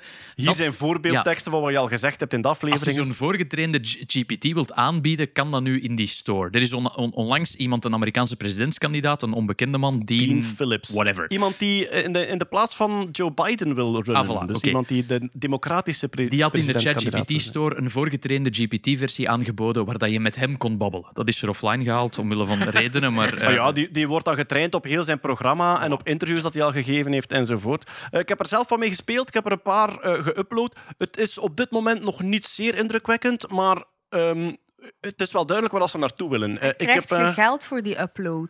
Ehm, op dit moment nog niet. Nee. Het is wel de bedoeling. Het is wel Dat de is- bedoeling dat het echt een store wordt. Nu zijn het vooral gimmicks die mensen geprogrammeerd hebben. Ehm werkt ook met afbeeldingen. Dus er zijn er ook die getraind zijn op bepaalde afbeeldingenstijlen. En ik heb bijvoorbeeld eentje getest die, ehm, die gemaakt is om diagrammen en flowcharts te maken. Dus als je zegt, geef mij de geschiedenis van België als een flowchart, dan probeert hij dat zo wat te tonen of eh, dat soort dingen. Dat is interessant dat je dat zegt, Hetty, want dat is een van de grootste bezorgdheden, dat als er betaald wordt Mhm. voor dat soort eh, toepassingen, dat mensen dan de meest risqué of grenzen gaan opzoeken. Wat verkoopt er goed Ja. Ja. in appstores en dit en dat. Dat zijn dingen dat de grenzen opzoeken, die extremen opzoeken. En dat is misschien wat dat je net niet wil met je professionele GPT-store. Er was ook een GPT die daar aangeboden werd en die heette eh, Make It Sound Human. En daarop kon je AI-gegenereerde teksten laten herschrijven dat ze menselijker klonken. dus dat ze minder detecteerbaar waren. Ehm, ehm, eh, improve my writing. Dus dan kon je echt zeggen, ik wil ofwel zakelijker klinken of ik wil toegankelijker klinken. Dat kun je ook al aan ChatGPT zelf Voilà. vragen. Hè? Inderdaad, maar dat, dat zit dan volledig ingebouwd dat je je prompt niet meer moet geven. En dan was er ook eentje en dat, ehm, dat was Explainer. En dan kon je eigenlijk eh, wetenschappelijke vragen stellen en dan kon je ook ingeven voor welke Ah leeftijdscategorie. ja, explain me like I'm five, Voilà. de bot. Ja. Zoals, zoals 10 jaar oud, zoals Ja. 14 jaar oud. Cool. En dan merkte wel van, oké, inderdaad, eigenlijk met de juiste prompt kunnen dat zelf uit GPT halen. Maar het, het feit dat ze dat zo eh, pre-verpakt aanbieden, het zou kunnen dat dat een dingetje wordt, ja. Zodat je echt eh, een bepaalde GPT kunt activeren. Ik wil nu met dit soort Praten met historische figuren is ook zo'n demo die ik Ah, ja, vaak voilà. zie. Van iemand, een bot die volledig is voorgetraind op te, zich te gedragen als Julius Caesar. Ja. In hetzelfde genre, eh, er is eh, eh, Sam Altman van OpenAI, hè, de, de CEO daar. Eventjes niet meer, maar nu, nu weer wel. De stoelendans. Ehm, Sam Altman is, eh, heeft, was de gast in de podcast van Bill Gates, die natuurlijk ja, via Microsoft eigenlijk zeer, zeer eh, gelieerd zijn. En heeft daar gepraat over de toekomst van GPT-systemen. Heeft een beetje gehint, Marian, op GPT-5 ook, wat dat Ja. allemaal zou kunnen. Ja, er zijn geruchten dat GPT-5 zo ergens rond de zomer zou uitkomen. Ehm, en hij heeft er zo een beetje laten vallen wat er waarschijnlijk wel te verwachten is. Eh, Eerst en vooral, vooral multimodaliteit. Dus dat je niet alleen maar met spraak werkt en ook beelden nu in GPT-4 al, maar ook video, audio, misschien zelfs 3D-content. Dus dat je eigenlijk heel veel soorten inputs en outputs tegelijk kunt hebben, waardoor hij veel meer bewust is van wat er eigenlijk de context is van wat hij aan het Bewust. doen is. Typische use case, bekijk deze video Bewust en vertel mij wat daarin gebeurt. Dat maar ja, is, ja. hoogstwaarschijnlijk... Allee, ik weet niet of dat al voor GPT-5 is, maar hoogstwaarschijnlijk ook een app die de camera van je telefoon activeert, waar dat je zegt van, ik zit nu in die situatie, wat kan ik hiermee doen? Of Ja. vat deze aflevering van Thuis samen in de drie regels. Ik zou dat handig vinden. Ah, ja? Daar heb maar je echt geen GPT voor nodig. Eh, iets- Seks, moord... eh Die helsmoord op. Voilà. Nee, maar iets professioneler. Je, je zet je gsm hier en die neemt heel de meeting op. En op het einde zeg je, make the meeting notes. Klaar. Samenvatting. Maar wat als wij dan herleid worden tot vijf flauwe woordmoppen? Koop tickets voor het Nerdland Festival. Ja, kan. Keigoed, keigoed. Maar wat ik ook denk, als je daar nu mee interageert, dat ding kan je emotie niet echt vatten, want ja, je typt of zo. Maar als Ja. die je kan filmen terwijl je een vraag stelt, dan gaat die zien, vraagt Marianne dat boos of, of verdrietig of angstig? Of misschien dat er wel heel andere manieren van interactie mogelijk worden. Is Marianne aan het huilen? Dan word ik er een beetje ja, tammer van. Ja, ik moet nu net denken aan, aan, aan handleidingen.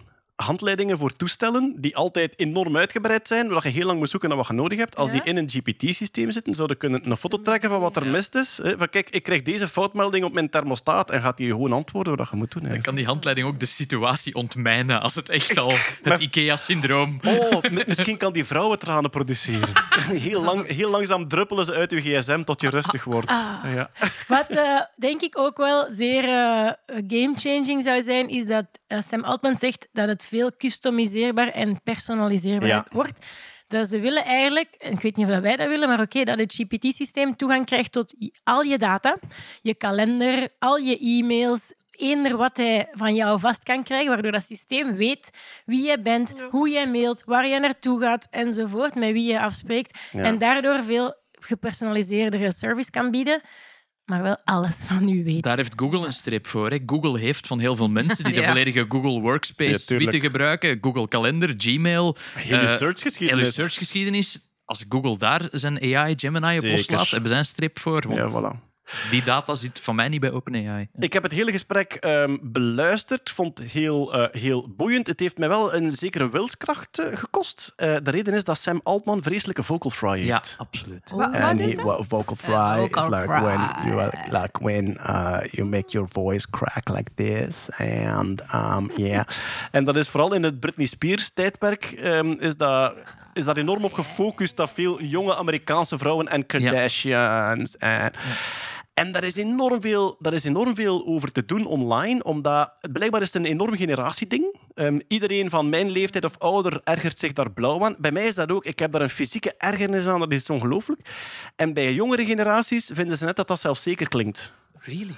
Ja, echt waar. Dat dat zelfzeker klinkt. Er komt wel heel zelfzeker pedant bijna over. Ah, wel, hè? maar het irriteert mij. Ja, ja Ehm, mij ook wel. En dus, te, diepe stem heeft voor zijn, zijn uiterlijk. ja, heeft Het lijkt alsof hij het probeert ja. te forceren. Nee, maar ja. Maar er is aan Vocal Fry... Ik heb, ik heb net een hele lange video gezien over Vocal Fry. Het interessantste daaraan was dat hij voorbeelden van Vocal Fry vindt uit de jaren 50, 60 en 70. Op, in BBC-documentaires. Jij bedoelt dat dat iets bewust is wat mensen...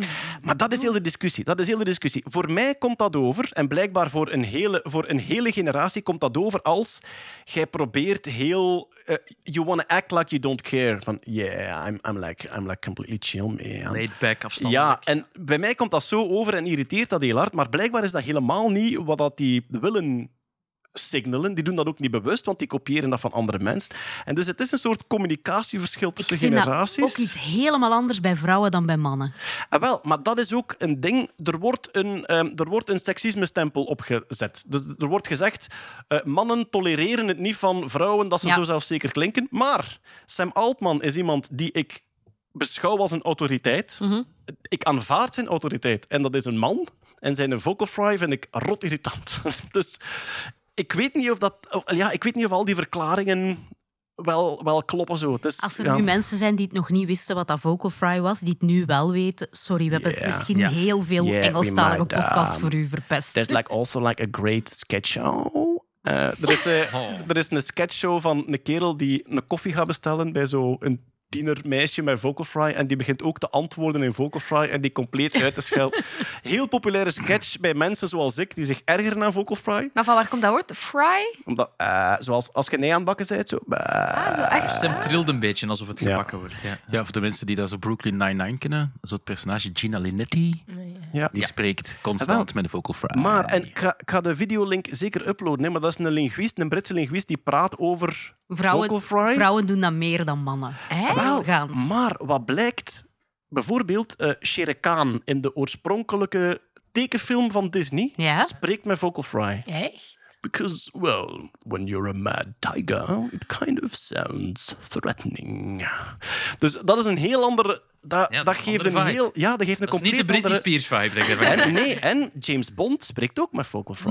Echt Dat waar. is wel, ja. En dus die video, die video toonde echt van, ja, maar ja, het gaat veel verder terug dan gedacht. En ik ben mij ook aan het afvragen van waar komt mijn enorme irritatie? Want Sam Altman spreekt met zijn vocal fry in de podcast en ik word zot. En mijn eerste gedachte was, kunnen we AI bouwen die dat kan wegfilteren? Die gewoon, moeilijk. ja, voilà, die dat gewoon wegfiltert. En daar kwam nog iets bij. Niet alleen spreekt Sam Altman met vocal fry, Bill Gates klinkt als Kermit de Kikker.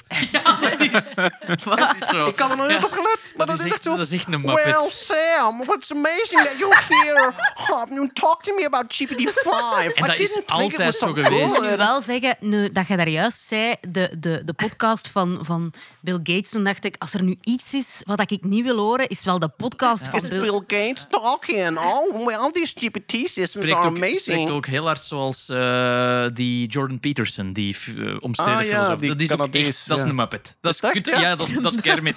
Dat is dus- Kermit, ja. Kijk, eh, wat, eh, wat kan je verwachten van het gesprek tussen Sam Altman met Bill Gates? Je hoort Vocal Fry praten met Kermit de Kikker en het is razend interessant. Ja. Dat is Ja, ik wou eigenlijk... juist zeggen, ik vond het echt Ondanks wel een alles. interessant... Ja. Tuurlijk, maar inhoudelijk. Maar ja, die- dat, dat, zijn, dat, zijn geen, allee, dat zijn geen twee prutsers. Nee, dat, nee, dat zijn twee mensen begonnen op een gegeven moment over wat is de volgende stap. En dat is natuurlijk die GPT hangen aan robotics. OpenAI Ah, ja. heeft redelijk hard geïnvesteerd in NIO, eh, die firma die die NIO-robots bouwt. En zij zeggen eigenlijk, we gaan tot nu toe heeft AI de white-collar jobs afgepakt. Ah, afgepakt, eh, ja. Creativiteit, Ja. schrijven. Hè, Ja. Alle, alle witte borden jobs. Het volgende, het gaat de blue-collar jobs worden nu. Hè, robotica, alle bandwerk en, en techniekerjobs enzovoort. Cobots, niet robots, is wat ik onlangs Ja, ja, wel, maar de- eh, grote evolutie, dat gaat nog veel meer impact hebben dan, dan wat we nu zien. Hè. Ze worden ook filosofisch over human purpose. Van ehm, Ja, waarom, wa- waar haal ik voldoening uit? Bill Gates geeft daar een. Ik, vind, ik vind redelijk veel psychologisch insight. Hij zegt van ja, ik haal natuurlijk Doe het immense. stemmetje. Well, I'm getting, well, because I get a lot of my purpose from my fight against malaria. En dat is ook zo, hè. Dus- Ja, en, en maar hij zegt dan echt, Ja. hè, maar als nu die een AI dat veel beter kan bevechten dan ik zelf, wat moet ik dan nog doen? Dus die, die stel, hij, stelt zichzelf, maar hij stelt zichzelf de vraag, als de AI zegt, ga jij maar tennissen, I got this covered, is dat eigenlijk heel goed nieuws, maar ik voel er mij niet goed bij. En is het tegen een robot die dat tegen hem? Want tennissen is ja, dan... Ah, ja, ja Ah, wel, ook al. En Sam, Sam Altman zegt dan ook van... En dan, dan wordt het een beetje meta. Sam Altman zegt van ja, mijn grootste purpose is AGI bouwen. Maar als dat gedaan is, ben ik ook klaar. Ja, Sam Altman zegt letterlijk, this might, this might be the last hard thing I ever have to do in my life. Ja, want als ik dat heb gedaan, dan moet ik niks meer doen. Dan is pff, de Ja. robots gaan het wel doen. En, en ze zeggen wat ook, ja, maar dat gaat misschien goed zijn, dat we hebben nu te weinig leerkrachten en zo, dan, dan is dat allemaal opgelost. En dan zegt een van die gasten, ja, maar to give education in what? What do we still have to learn? Ja, wat, dat, wat dat je interesseert. Absurd, hè. hè? Je kunt geschiedenis leren omdat je geweldig boeit of zo. Maar Mm. ik vind die vragen... Ik, wat wat een... Jezus. Ah, Dat is een stevige lak. Geschiedenis is ook een wetenschap en wij hebben daar luisteraars van. Heb jij nooit naar Dan Carlin? Ik ga er niet over beginnen, anders ben ik weer Ik heb dat een keer geprobeerd. Is het echt? Niet voor mij. Is het echt? Oké, ja. Maar dus inderdaad, ze stellen ook die vraag die zeer voorbarig is, hè, want we zijn er nog niet. Hè, van wat gaan we doen als? Sam Altman is ook getrouwd. Is het Dat is echt? het enige- ja, hij is getrouwd met een man. Ik wist niet dat die man is. Oh? eh, ja, ik wist niet dat die man. De voorbije eh, maand uh, ja, voorbije maand getrouwd. Ja, kijk, voilà. zo, voilà. Ik smijt het er maar even tussen. Voilà. Dus geen wetenschapsnieuws. In maar- Alright. dan waarschijnlijk. Uiteraard in. California. Zou die ook Onder met- de palmbomen. Zou zijn event ook met vocal fry spreken? Geen Dat idee, je- ga ik niet opzoeken. I do. Maar hebben we dat in Ja. het Vlaams ook? Nee, Ja, toch? I do. Vocal fry. Denk het niet, ik heb het nog niet gehoord. Waarschijnlijk ga jij dat nu ontwikkelen. Nee, nee. Breng Ace het niet op gedachten. Hè. Vocal eh, fry is voor mij gewoon een zatte Stephen Fry. Zo'n iets te luidruchtige Stephen Fry. In Groot-Brittannië noemen ze het creaky voice, blijkbaar. Ah, creaky. Ja, en vocal fry zou eh, Amerikaans zijn. Oké. Eh, er was ook een post van Elon Musk over ehm, zijn Optimus-robot. Eh, en hij, hij postte een filmpje van de Optimus-robot die een t-shirt aan het opvouwen Ja, was.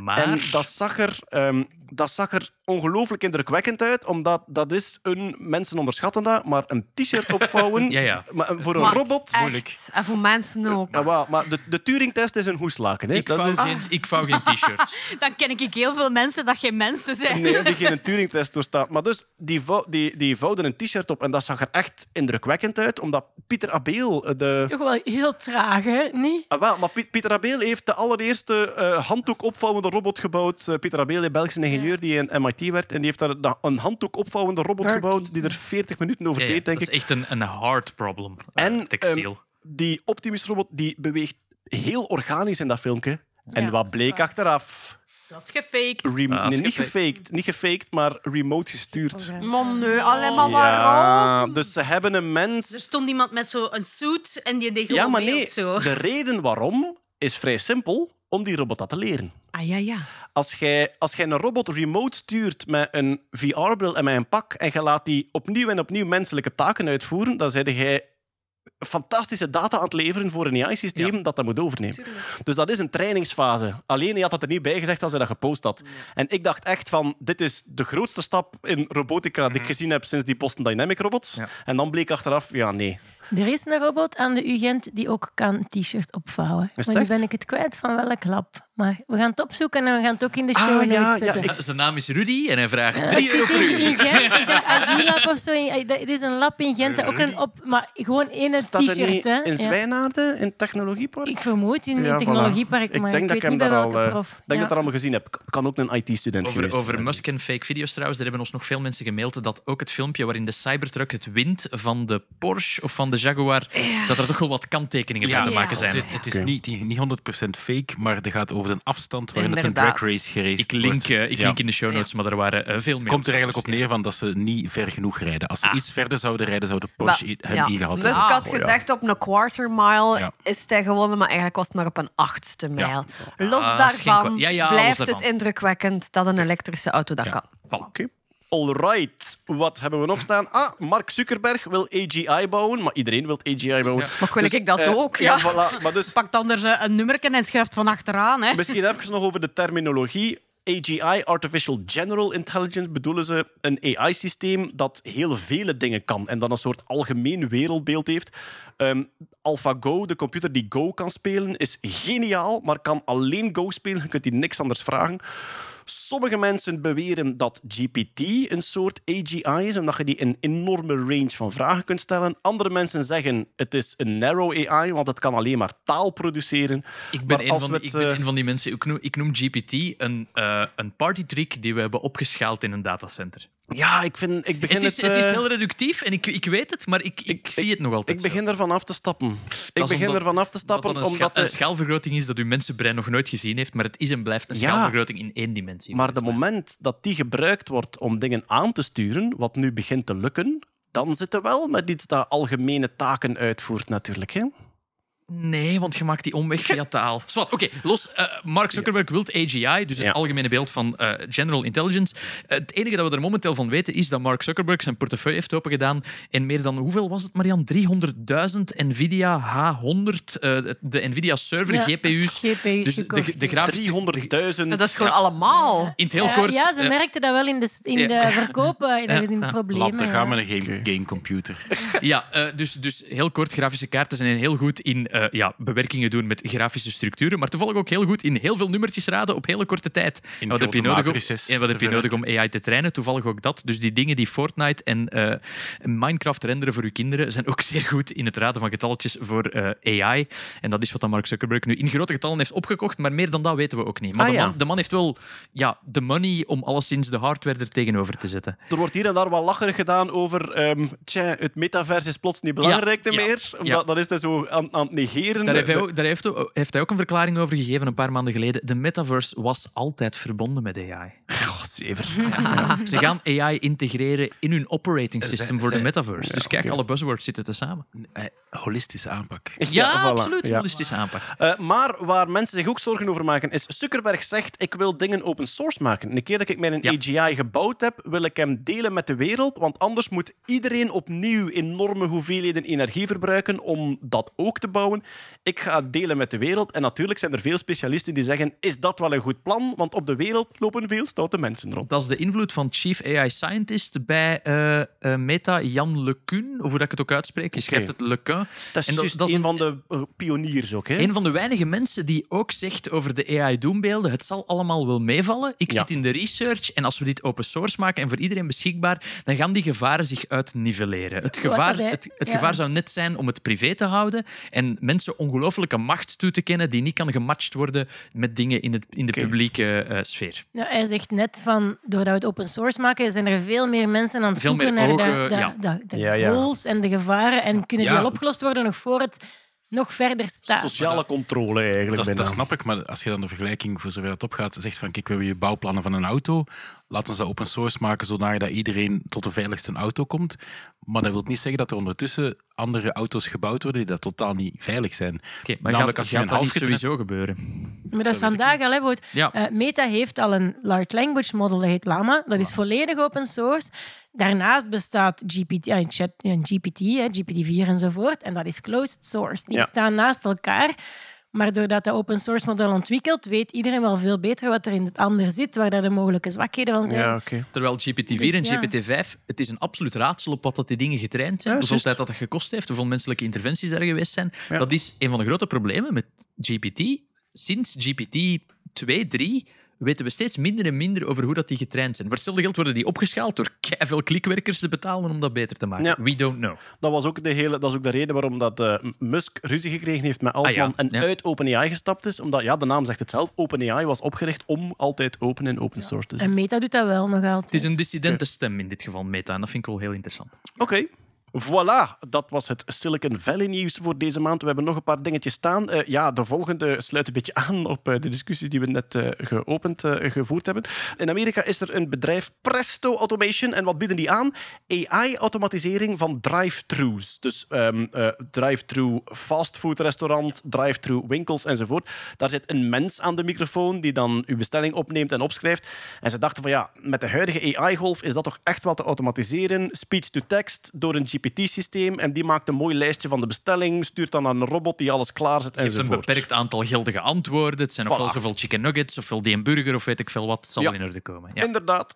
En die zijn dat beginnen uitrollen en die hebben redelijk veel klanten in Amerika. En natuurlijk wordt dat ook een soort dingetje van we gaan een keer gaan kijken naar de AI die ons bestelling opneemt. Ehm, die stonden in de krant deze week. Wat blijkt? 90% van de bestellingen werd opgenomen door mensen in de Filipijnen die meeluisterden. Nee. er zaten gewoon slecht betaalde, lage loonwerknemers mee te luisteren en te klikken op de computer.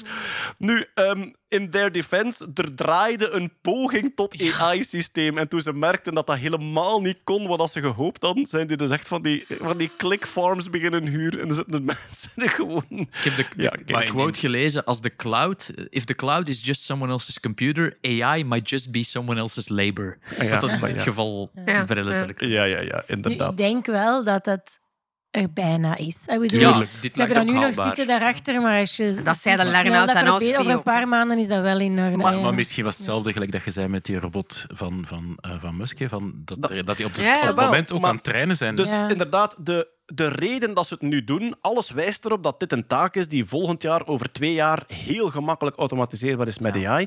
De reden dat ze het nu doen, kan veel achter zitten.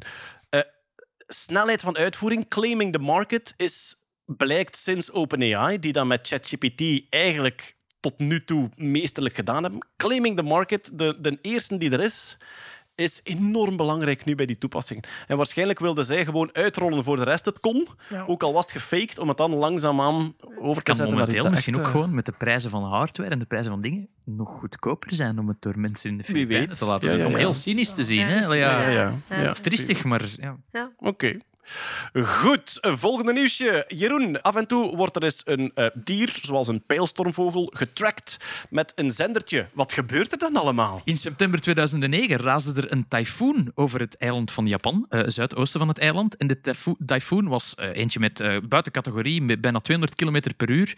Wat was nu toevallig ook in het pad van die tyfoon? De zeevogelbioloog Koseo Shiomi die had in augustus van dat jaar verschillende trackers gehangen aan pijlstormvogels. Ja? Eh, een vogelsoort die eh, zeer eh, talrijk is in Japan, maar wa- waarvan dat ze de patronen wilden observeren.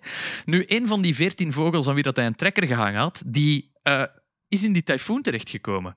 En heel grappig, die wetenschappers hebben kunnen zien op de radarbeelden, dus op de GPS-trekkerbeelden van die, van die vogel, hoe dat die vogel eigenlijk ehm, veertien keer een cirkeltje maakt in die tyfoon. Oh. Ehm, normaal eh, maakt... Ja, dus hij heeft eh, rondjes gemaakt, eh, vijf grote rondjes, elk met een diameter van 50 tot 80 kilometer. En hij werd Oh. tot, in totaal over een afstand van meer dan 1146 kilometer meegesleurd. Dus van zijn normale pad. Ja?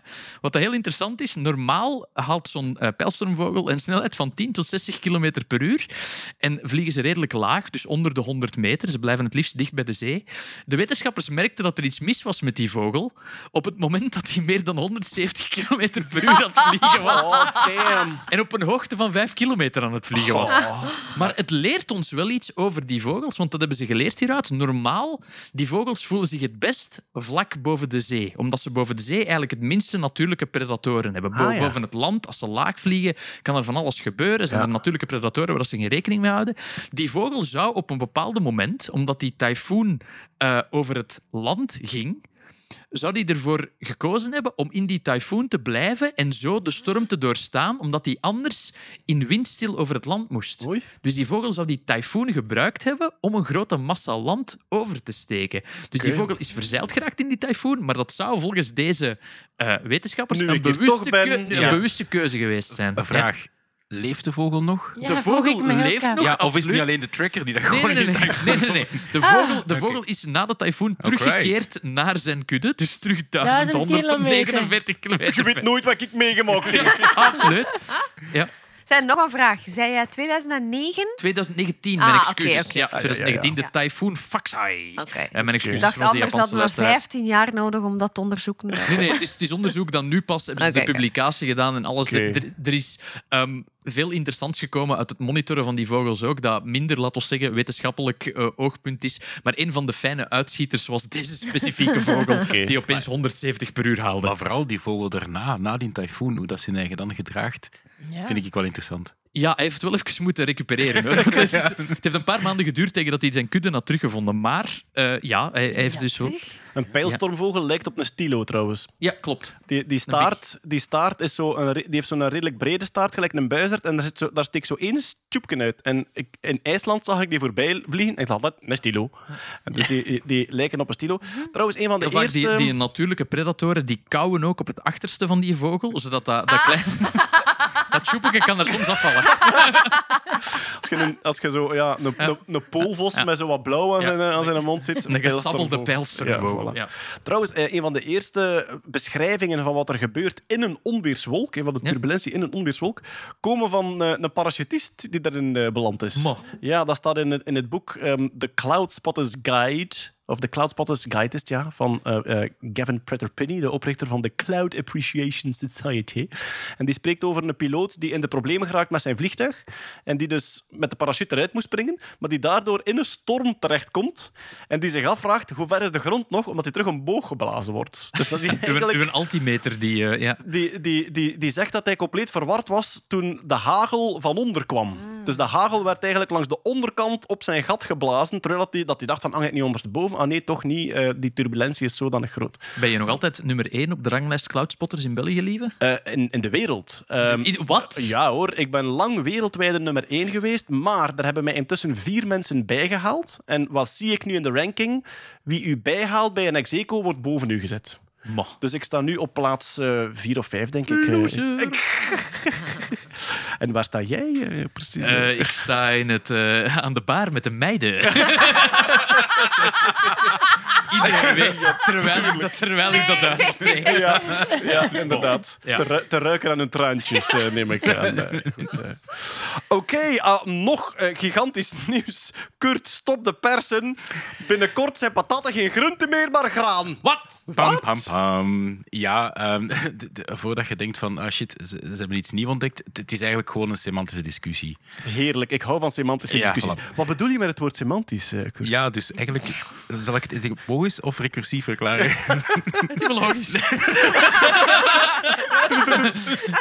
Ja. Oké, wacht. Ehm, Wat is een groente eigenlijk? Of, wacht of bedoel je... Nee, wacht. Ga je het recursief verklaren of etymologisch? Oeh, mooi, mooi, ik, ging, ik ging net vragen wat is een groente eigenlijk, maar ik zal het opnieuw doen in de stem van de rectors. Ja, wat, maar wat is een groente eigenlijk? Mhm. Ja, de, de, de, de, strenge, de, de, strenge de, de strikte definitie van wat een groente is, is eigenlijk... Niet lekker. Zegt je dat aan je kinderen, ja? Het moederschap heeft u verwoest. hè, die. Nee, is dat eigenlijk een eetbaar deel van een plant. Dat maakt een groente een groente. Maar dan is fruit ook een groente. Ja. Wacht. Ga- ja. Het gaat over, het gaat over het gebruik. Hè. Ja, het gaat Ehm, over, eigenlijk gaat het over de klassificering van in zo de voedingsdriehoek en zo, dat je zoveel van dat en zoveel van dat moet eten. Eigenlijk, waar zit een aardappel? Een aardappel zat eerst bij de groente. Maar wacht. ehm, fruit en vrucht is een botanische beschrijving. Is namelijk een manier van een uitgroei van een plant. Terwijl dat groente een culinaire beschrijving is. Dus eigenlijk groenten en fruit zijn twee categorieën. Eigenlijk ben je appelen met broccoli aan het vergelijken. Ehm, Kan je, bota- kan je botanisch fruit zijn, maar culinaire groente? eh, ja, een bakbanaan Tomaat. bijvoorbeeld. Een bakbanaan. Een tomaat ook. Ja. Een, tomaat, eh, een tomaat is een groente, omdat dat zo beslist is voor het Amerikaans Hooggerechtshof Juist, eh, ja, ja. 120 jaar geleden. Omdat er iemand eh, de BTW op groenten wou ontlopen door te zeggen dat zijn tomaten fruit waren. En dan heeft het Hooggerechtshof Of gezegd... Is Ja, dit ook weer zo'n trucje, Kurt? Ja, het is eigenlijk... het is Maar heeft eigenlijk- het, heeft het met BTW te maken, nog met iets Nee, anders? het heeft mij eigenlijk met, met voeding dat er nu te veel aandacht aan aardappelen gegeven wordt. Hè. De- zoals gezegd, van groente dat is gezond. Aan aardappel is een groente, dus een aardappel is gezond. Nee. Een aardappel is gezond op zich, maar die heeft een te groot aandeel. Ah, het is een staple food. Ja, dus ze willen eigenlijk dat, dat zoals dat je nu een beetje met graan, hè, zo gluten en hoe, hoe, pas op, we moeten daarmee opletten, we moeten dat niet te veel doen. Ze willen eigenlijk die patat in die richting, duwen. Richting spaghetti duwen. Ja, richting spaghetti Carbs, duwen, maar ja, zodanig, eigenlijk dat, wel, ja. zodanig dat mensen meer andere groenten Wie zijn gaan ze? Wie, wie zijn ze? Wat, ja, de, de paprika-lobby? Of zo? Want er gaat hier veel te veel aandacht naar die aan. Illuminati natuurlijk. Het Is wef. het, is het de broccoli-lobby? De wefratten. Het is de US Dietary Guidelines Advisory Committee. Dus het is voedingsadvies, zoals het klavertje 4 en de ja, inderdaad, de voedingspyramide, de voedingsdriehoek. Ja, hè. voilà. Het is exact dat. Eigenlijk ze willen die ergens anders steken om mensen meer richting de, ja, wat dat ze dan zeggen, de, de gezondere of de iets voedzamer of iets minder carbs hebbende Zijn groenten te de doen. Amerikanen die vinden dat ze minder frieten moeten eten. Carbs, hè, maar ja, inderdaad. Want als je, het- als je het vergelijkt, eh, eh, in je voedsel heb je ja, je vitaminen en zo in, in je groenten, maar staple foods, dus stapel, ik denk dat dat vertaald wordt als stapelvoedsel, dat is het voedsel waar dat je eigenlijk je grote energiebron, ehm zetmeel. En dus in verschillende culturen, ons, ons stapelvoedsel is duidelijk patatten. Ja. In Italië is het stapelvoedsel pasta. Pasta. En in, in grote delen van Azië is het Rijst. rijst, bijvoorbeeld. En ik denk dat maniok ook onder stapelvoedsel valt. Zou kunnen. Ehm, dus staple food. En wat dat betreft klopt het wel dat je aardappelen niet gelijk zet aan wortelen, broccoli en de rest. Zeg, maar dat en je die wat bij- met de zoete aardappel? Dat Ja, is geen aardappel. De- dat is de enige aardappel die zou moeten bestaan, de zoete aardappel. Dat is geen aardappel ook. Hè? Wat? Nee, de, de zoete aardappel is een... een Technisch gezien is een microbe. Ja, Nee. nee. Dat is van, ja, een okkernoot is geen noot. Oké. Pindanoot is geen noot. Ja, whatever. Ja, ja, ja, ja, En maar, een eh, cashewnoot is een kangaroo. Begin Ja, mij, kom op. begin mij Ja. hier niet uit te dagen in well actuallys over eh, Ja. botanische onderdelen. En Gulle, Ehm, en ja, de, zoet, de zoete aardappel is geen, eh, Nee, geen groente? dat is, Nee. dat is geen patat zoals... Ja, het is wel een groente, maar het is geen patat zoals wij een patat Ah, ja. kennen. Het is een, eigenlijk een, een echt een... eh, eh, het is geen... eh, geen het is botanisch, het is lekker. totaal anders. Geen rechtstreekse broer of zus, nee. Nee, nee inderdaad. Ah, maar dus, dat comité heeft eigenlijk vijf eh, categorieën: zo fruit, granen, proteïne, groenten en dan zuivel. En dat Ja. is hetgeen, het is eigenlijk gewoon, we willen die van het een naar het ander. Het is een, een lobbygedoe, maar Ja. het is wel grappig dat je daar een discussie over voert en dat dat wel Is- een impact gaat hebben om, op de... Op de. Voedingsadvies, hè, Is dat de manier om Amerikanen slanker te krijgen? Kunnen, de, kunnen de spekkies niet gewoon een beetje gaan sporten? Ik, kijk, ja. ik, kijk vooral zo, ja, ik kijk vooral zo uit naar het moment dat, dat de patat zo zijn nieuwe klas binnenkomt. Bij die granen zo. Hallo. Hallo. Goeiedag, patat is nu weer. Ik stel voor dat we allemaal lief zijn voor ons. Die Potato head. op- die groeit op de grond. Een dikke patat. Tegen het einde van de, tegen het einde van de, van de school, dat je ziet zich van het schillen in de hoek.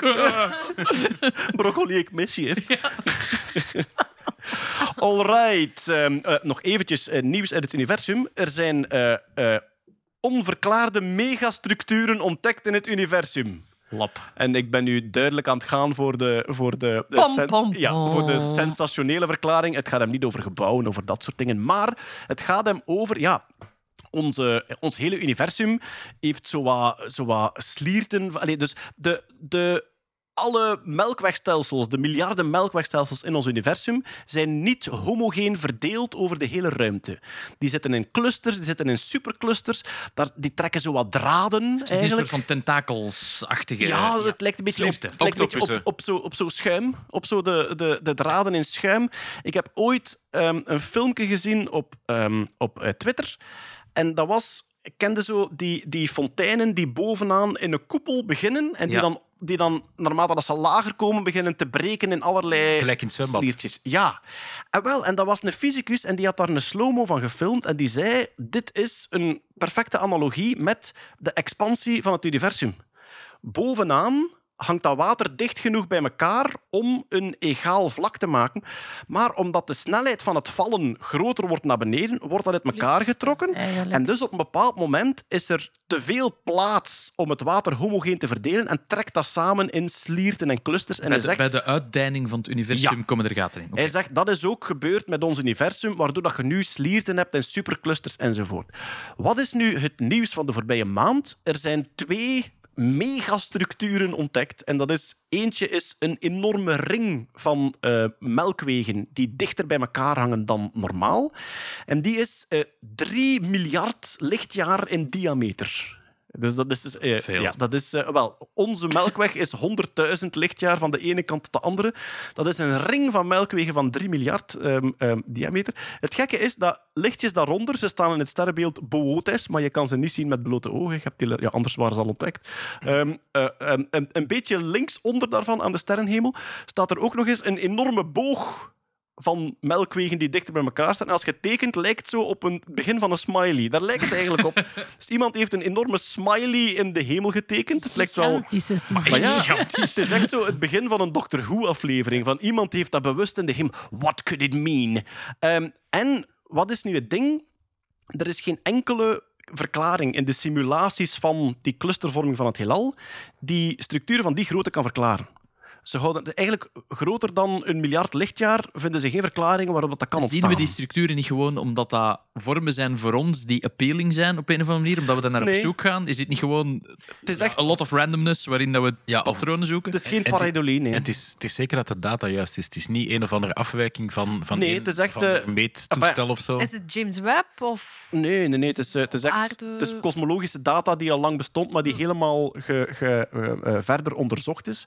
En nu wordt er gedacht aan, als het, als het universum piepjong was, hè, dus als, als de uiteinding nog bezig was, misschien dat hele kleine energiestromen of hele kleine wervelingen die daarin ontstaan zijn. Ze spreken zelfs over akoestische golven in het vroege heelal. Dat die een bepaald stuk iets condenser gemaakt hebben, waar we nog altijd de sporen van zien in het groot.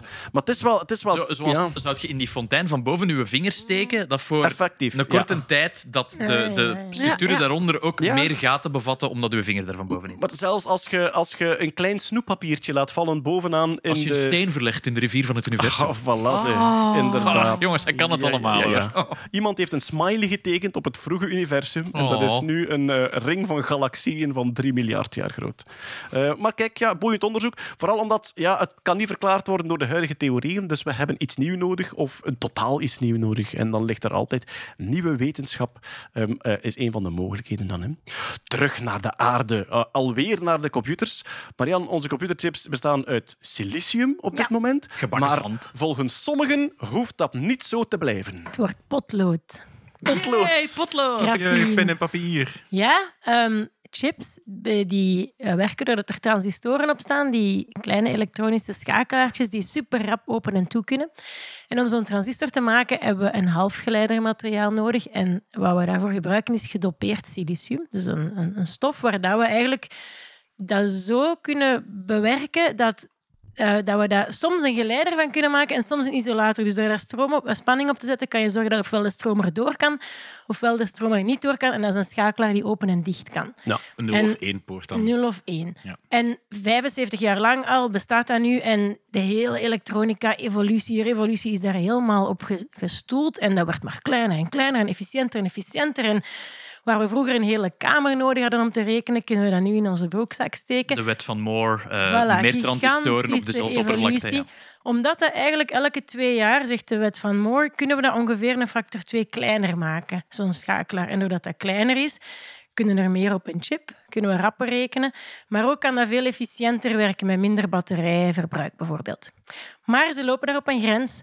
Die schakelaartjes, transistoren, beginnen nu zo klein te worden dat die eh, laagjes die we moeten leggen en bewerken maar een paar atomen, hè, tien atomen of zo dik nog zijn. En we kunnen dat gewoon niet meer kleiner krijgen, want die variatie begint te groot te worden. Als er één atoompje, één atoomlaag minder of meer is, dan is dat gedrag van die schakelaar volledig anders. En we lopen daar echt fysisch op de grenzen. Dus al 10, 20 meer jaar zijn wij op zoek naar wat is nu het volgende materiaal na silicium dat we nog kunnen gebruiken om toch kleiner te kunnen geraken. En grafeen komt er al heel lang op de proppen als dat is een grote kanshebber. Want grafeen is eigenlijk gemaakt van koolstof. Dat zijn eigenlijk zo koolstofatomen die in zes hoekjes gaan zitten en dan krijg je zo'n soort honingraadpatroon. Kippengaas, hè? Kippengaas. Ja. Maar dat is eigenlijk maar één atoomlaag dik. Hè, Ja. Dat is gewoon één Sheet. kippengaas van een sheet van koolstofatomen. Super sterk, super licht, ook heel goed geleidend. Het enige probleem was, dat was niet, geen half geleider. Dus ik kon dat niet soms laten geleiden en soms laten isoleren, afzetten. En ze hadden wel allerhande bewerkingen dat ze daarop konden doen om dat toch half geleidend te maken, maar die waren nooit compatibel met hoe dat ze nu chips maken in mooie 2D-laagjes. Ja, ze konden wel 3D-structuurtjes van maken die dan half geleidend waren, maar niks dat zo goed eh, ja, eigenlijk te fabriceren is als de chips die we nu hadden. Dus we konden dan wel een paar transistoren maken, maar om daar ooit een hele processor en een computer mee te maken, dat was niet te doen. En nu heeft er hè, voorbije eh, maand een artikel in Nature gestaan van een Nederlander, maar die wel in Amerika werkt, in Georgia Tech, in Atlanta. Die beweert dat hij een manier heeft gevonden om single laag, één laag grafeen te kunnen maken, die ze toch zo kunnen werken dat die een heel goede halfgeleiderkwaliteit heeft. Oké. Uh, ze hebben er nog geen hele processor of computer mee gemaakt. Ze hebben gewoon aangetoond dat ze dat kunnen fabriceren op een manier compatibel met hoe dat wij chips maken.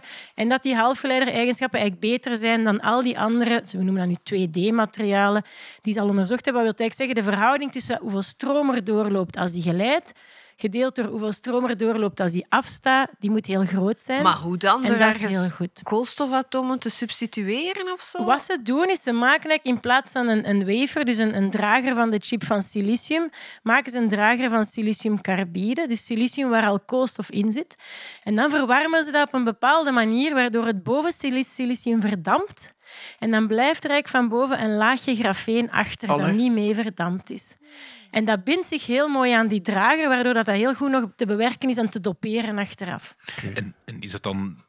Kunnen ze dan nog kleinere chips maken of is het vooral efficiënter chips dat Eh, ze maken? allebei. Dus ze kunnen ehm, ze waarschijnlijk kleiner maken, want dat hangt heel hard samen met, met hoe, hoe efficiënt ze zijn. Als je ze heel goed kan controleren, dus een mooi perfect één laagje dik dat je heel goed kan aansturen, dan kan je ze ook kleiner maken, want dan is de variatie op je gedrag veel kleiner. En daardoor kan je naar kleinere dimensies gaan zonder te veel random effecten te krijgen. Bij gedopeerde renners is dat omgekeerd. De variatie, de Ja, variatie op ja. hun gedrag wordt altijd maar groter eigenlijk. eh. Dus nu, dat is echt nog wel iets voor zeker nog tien jaar werk aan om daar nu een echte chip met die kan rekenen van te maken. Maar het is wel een belangrijke eerste stap. Maar ik vind dat ook, ik vind dat ook leuk om over na te denken. Ehm, hoe, gaan we, hoe gaan we over 10, 20 jaar naar onze technologie van vandaag kijken? Want als wij terugkijken, als je zo door het Science Museum in Londen loopt, Ja. de geschiedenis van die computers en zo, die, die, eh, Babbage. die jaren 60 mainframes, zo die, met die Ja, met buizen buizen en die en- Ah, een, zo- soort, Ja. een soort gietijzeren harde schijf. Zo ziet dat eruit eigenlijk. Maar, je- maar je begint ook bij Babbage. Ja, de analytical ja. machine. Ja, ja, ja. En, ja, dingen bij, bij tandwieltjes. Maar dus, vandaag, ik kijk naar een computerchip en ik zie zo dat zwart vierkantje en ik probeer me in te beelden wat daar binnen gebeurt. En ik Ja, denk, dit is 50 niet te doen. miljard schakelaartjes. Maar Ja. dus, over 20, 30, 40 jaar, als wij terugdenken aan dat, aan dat zwart vierkantje van vandaag, gaan wij dat bulky vinden? Ik weet het zo niet. Ik maak altijd de vergelijking met... Er is zo'n be- befaamde foto van een harde schijf van 2 megabyte die hier in Zaventem van het vliegtuig vliegtuig. wordt. Ja, ja, ja, ja. In de vergelijking met de, de, het SD-kaartje nu, waar dat er een terabyte op kan. Ja, ja, ja. Wat ik ook heel grappig vind van dat grafeen, vroeger, ik heb nog CPU's geweten die dat je kon unlocken door op de CPU een potloodlijntje te tekenen tussen twee Echt? punten, cool. omdat die CPU's die werden, die werden gemaakt en sommige CPU's werden verkocht als niet overklokbaar en dat was gewoon een klein stukje Allee. Schakeling dat was Dat weggehaald. hè, je En door, doordat je dat potlood doet geleiden, konden Ja, ja. die CPU doen geloven, maar jij bent wel een van de, de premium CPU's. Dat grafeenonderzoek, dat is even maf. Deze heeft dat nu echt op een hele ehm, ja, labmanier bijna gemaakt. Maar het eerste grafeenonderzoek, dan tekenen ze met een potlood zo een beetje op- ja, op een papier, zo wat laagjes koolstof. En dan doen ze met plakband, Ja. klik, daarop. En dan doen ze die plakband ergens anders en hebben ze één laagje grafeen Ja, oh, overgebracht. Zo, heel primitief, maar dat kan dus blijkbaar. Al die houtskoolartiesten kunnen nu Ja, worden. Dus van, voilà. Je hebt ook zo, eh, je hebt ook zo een, een, ehm, een speelkitje. Ik denk niet dat het van Adafruit is, van iets anders. Waarbij dat je ook schakelingen kunt maken met potlood. En je kunt Ja. zo een papieren, papieren doen. een papieren huisje vouwen. En een lampje doen branden. Ja, en een lampje Ja. doorbranden door, door lijntjes te tekenen. En dan ook muziek maken met de weerstand. Dat je zo twee pinnetjes zet Op, op... op zich eh, is dat heel simpel. Je pakt een knoopcelbatterij, je pakt een ledlampje, een paperclipje en je tekent met een potlood op papier. Belangrijk is eh, dat je echt grafeenpotloden pakt. Ah ja, Want geen, de eh, meeste potloden, dat is een plastiekachtige, was, olieachtige En een goed, wassysteem. een goed vet potlood Dus met echt zo een- ja, absoluut. absoluut. Ga naar, naar, naar, naar een goede tekenwinkel gaan en daar zo de, de goede Ah, ja. 2B. En dus de onderkant van je knoopcelbatterij, Ja. die legde tegen het lijntje. En dan met een paperclip geleide de andere kant. Ja, En de led geeft je zo twee baantjes en dan kun je daar eigenlijk een schakeling mee maken. Ja. super. En dan zou je eigenlijk inderdaad een soort huisje kunnen tekenen. Voilà. Met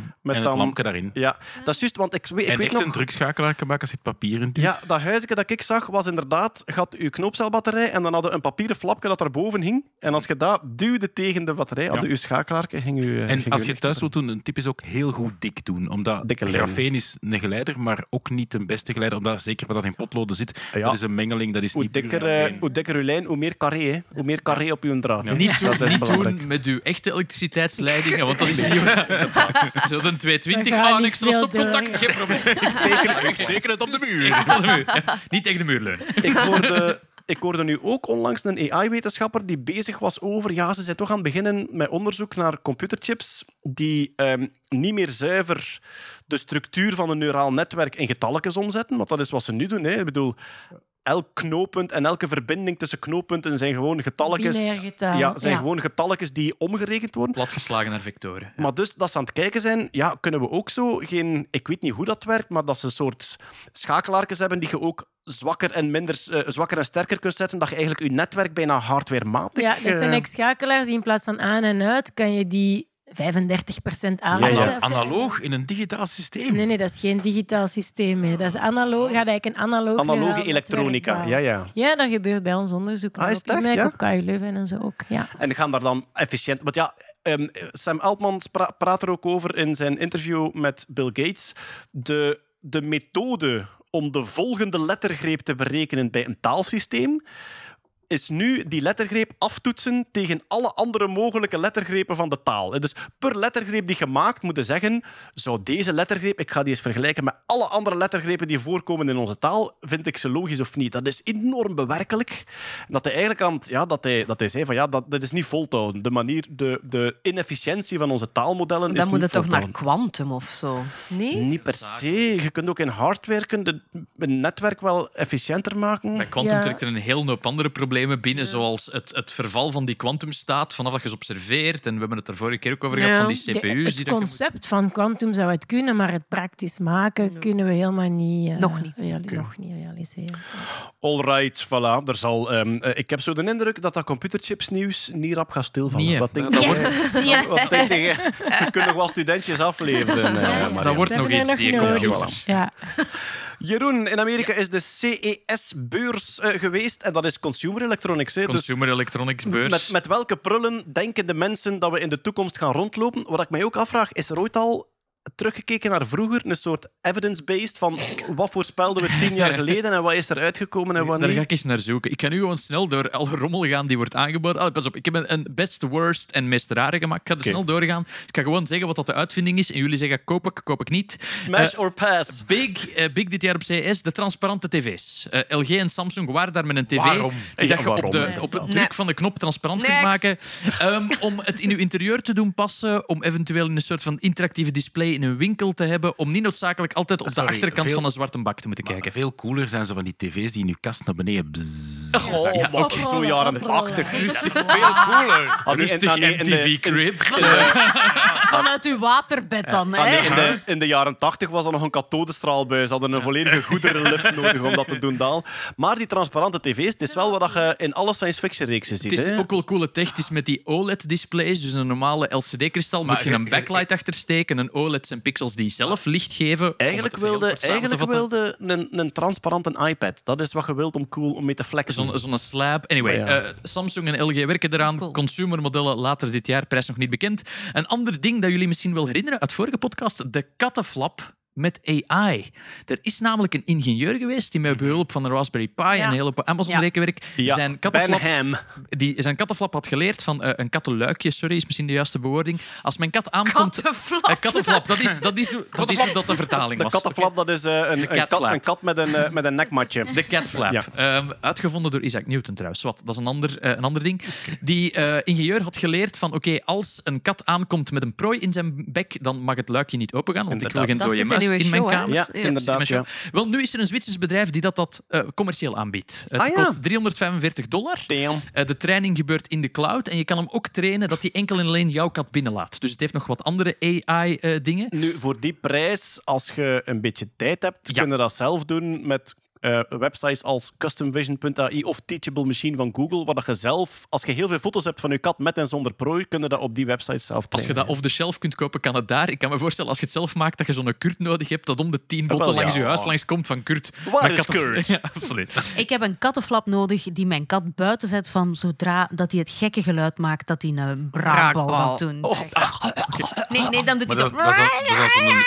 Oh, god. Dan moet hij buiten, dan moet hij buiten. Maar dan moet je zo'n grote robotvoet kopen. Dat is zo... Een volgende uitvinding waar we niet zonder gaan kunnen, de elektrische skis. Wat? ja, ze noemen de skiwheel, de squeal, sorry, squeal. Het zijn basically rolschaatsen dat je aandoet die eh 80 km per uur kunnen halen. Wat? Oeh, maar het is niet voor op sneeuw. Oh, nee, nee, nee. Het zijn gewoon elektronische zijn geen rolschaatsen. Inline Ja. skates eigenlijk dan. Het zijn elektronische inline skates. Ah, ja. Eh, ze kosten Ja, het zijn geen ongeveer rolschaatsen, hè. 4000 dollar en je gaat er je benen mee breken. Hoe lang dat zijn ze? wel. Hoe lang zijn ze? Ze zijn wel de lengte van skis. Dat is een beetje Maar het... dat is eh, toch gevaarlijk? Ja, Correct. Marian?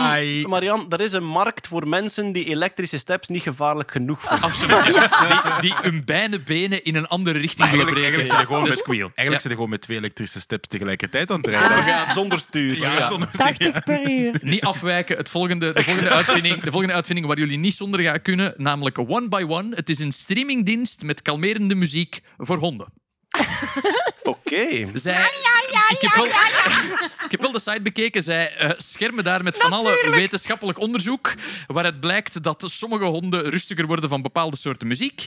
En je kunt voor een eh, losse 7 dollar per maand kunt je abonneren op een soort van streaming-app die dat je samen met je hond kunt beluisteren. Het is muziek die eh, zowel voor u als voor uw hond kalmerend werkt. En dan kun je je hond eh, rustiger alleen thuis laten. Wat zei Poncho? Met, Ik heb het eh, nog niet getest. Met Ja. hits als Singing a Song for Ja. My Bitch. Met vrouwentranen lukt dat ook.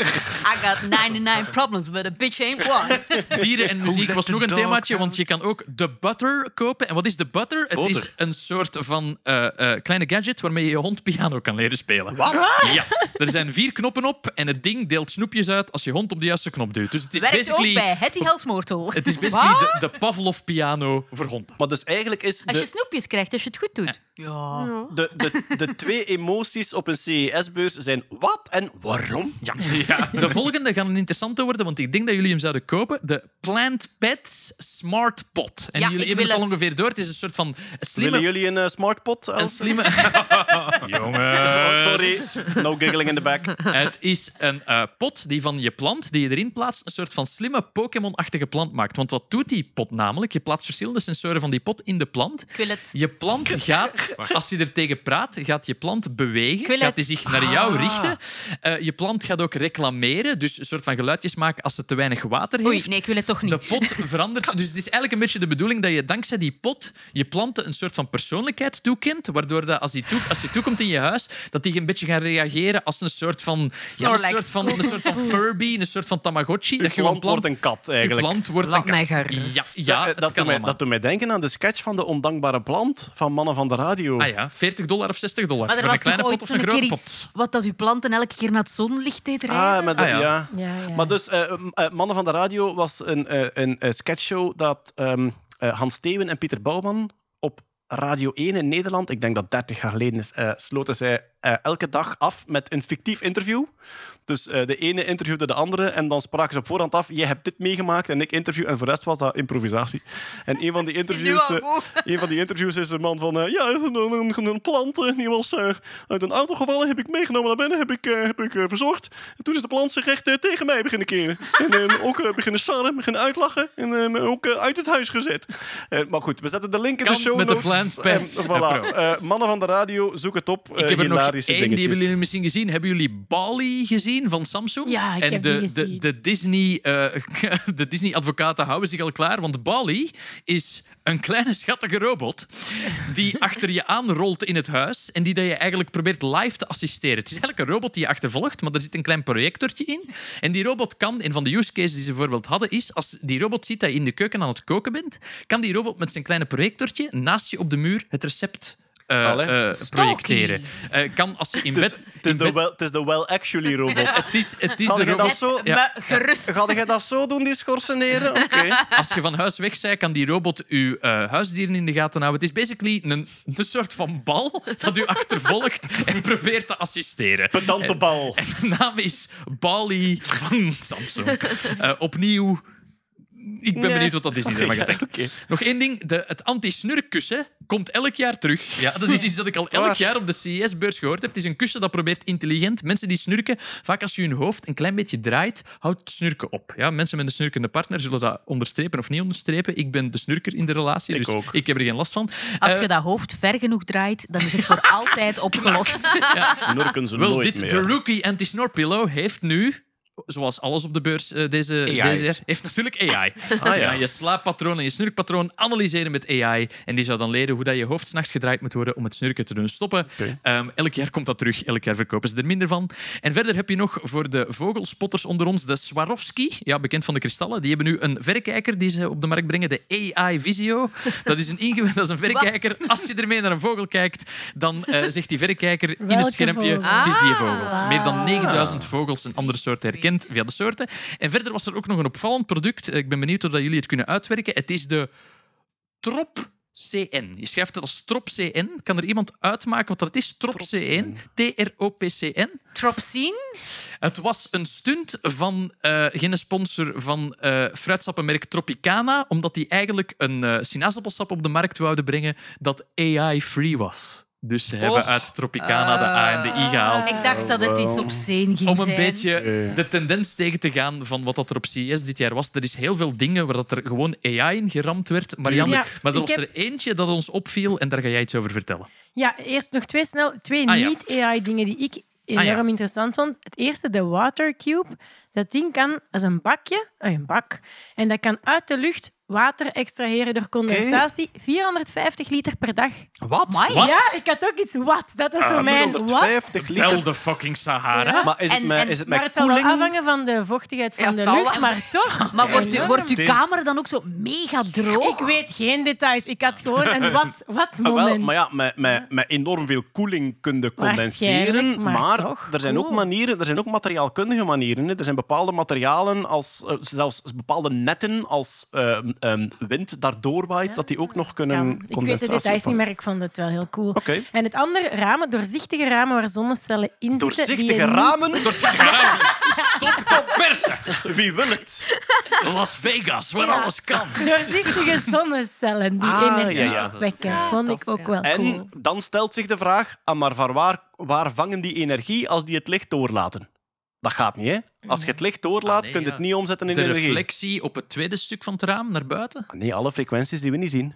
Dus alles in UV en infrarood vangen die op en zetten die om naar elektriek. En het Dus filteren ze wel een beetje. liever. Ja, voilà. Ook een, een concept Goed. dat al langer eh, is, maar nu Ja, weer een ja, stap ja, verder maar nu is het commercieel. Maar dus de, Maar, de coole ja, AI De toe. coole AI, dat was ook het wat-moment. Dit is de Rabbit eh, R1. Het is wel echt een stomme naam, vind ik. Maar Nou, dat is cool. Het is ook een konijntje in Het logo. is een En, konijntje. ja. Het heeft konijnenoortjes. Het is, het is eh, een klein vierkant blokje dat een beetje die AI-pin nadoet, maar ik vind het wel beter. De AI-pin, waar dat we het eh, vorige maand of twee maanden geleden over hadden. Een, Ja. een bakje dat je naast je hangt, waar dat je eigenlijk gelijk een Siri van alles aan kunt Is vragen. je al besteld, Hetty? Want het bedrijf zit in wat financiële mogelijkheden. je, je geld wil gebruiken? Nee, nog niet. Oké, dit is goedkoper. Dus hoe werkt het? Het is een bakje van ongeveer 5 centimeter op 5 centimeter. Fel oranje, je kunt het niet in een andere kleur kopen. Oké. Het heeft een schermpje bijna zo groot als zijn oppervlakte. Het heeft een camera die 360 graden kan ronddraaien, dus kan naar voor kijken, naar achter kijken.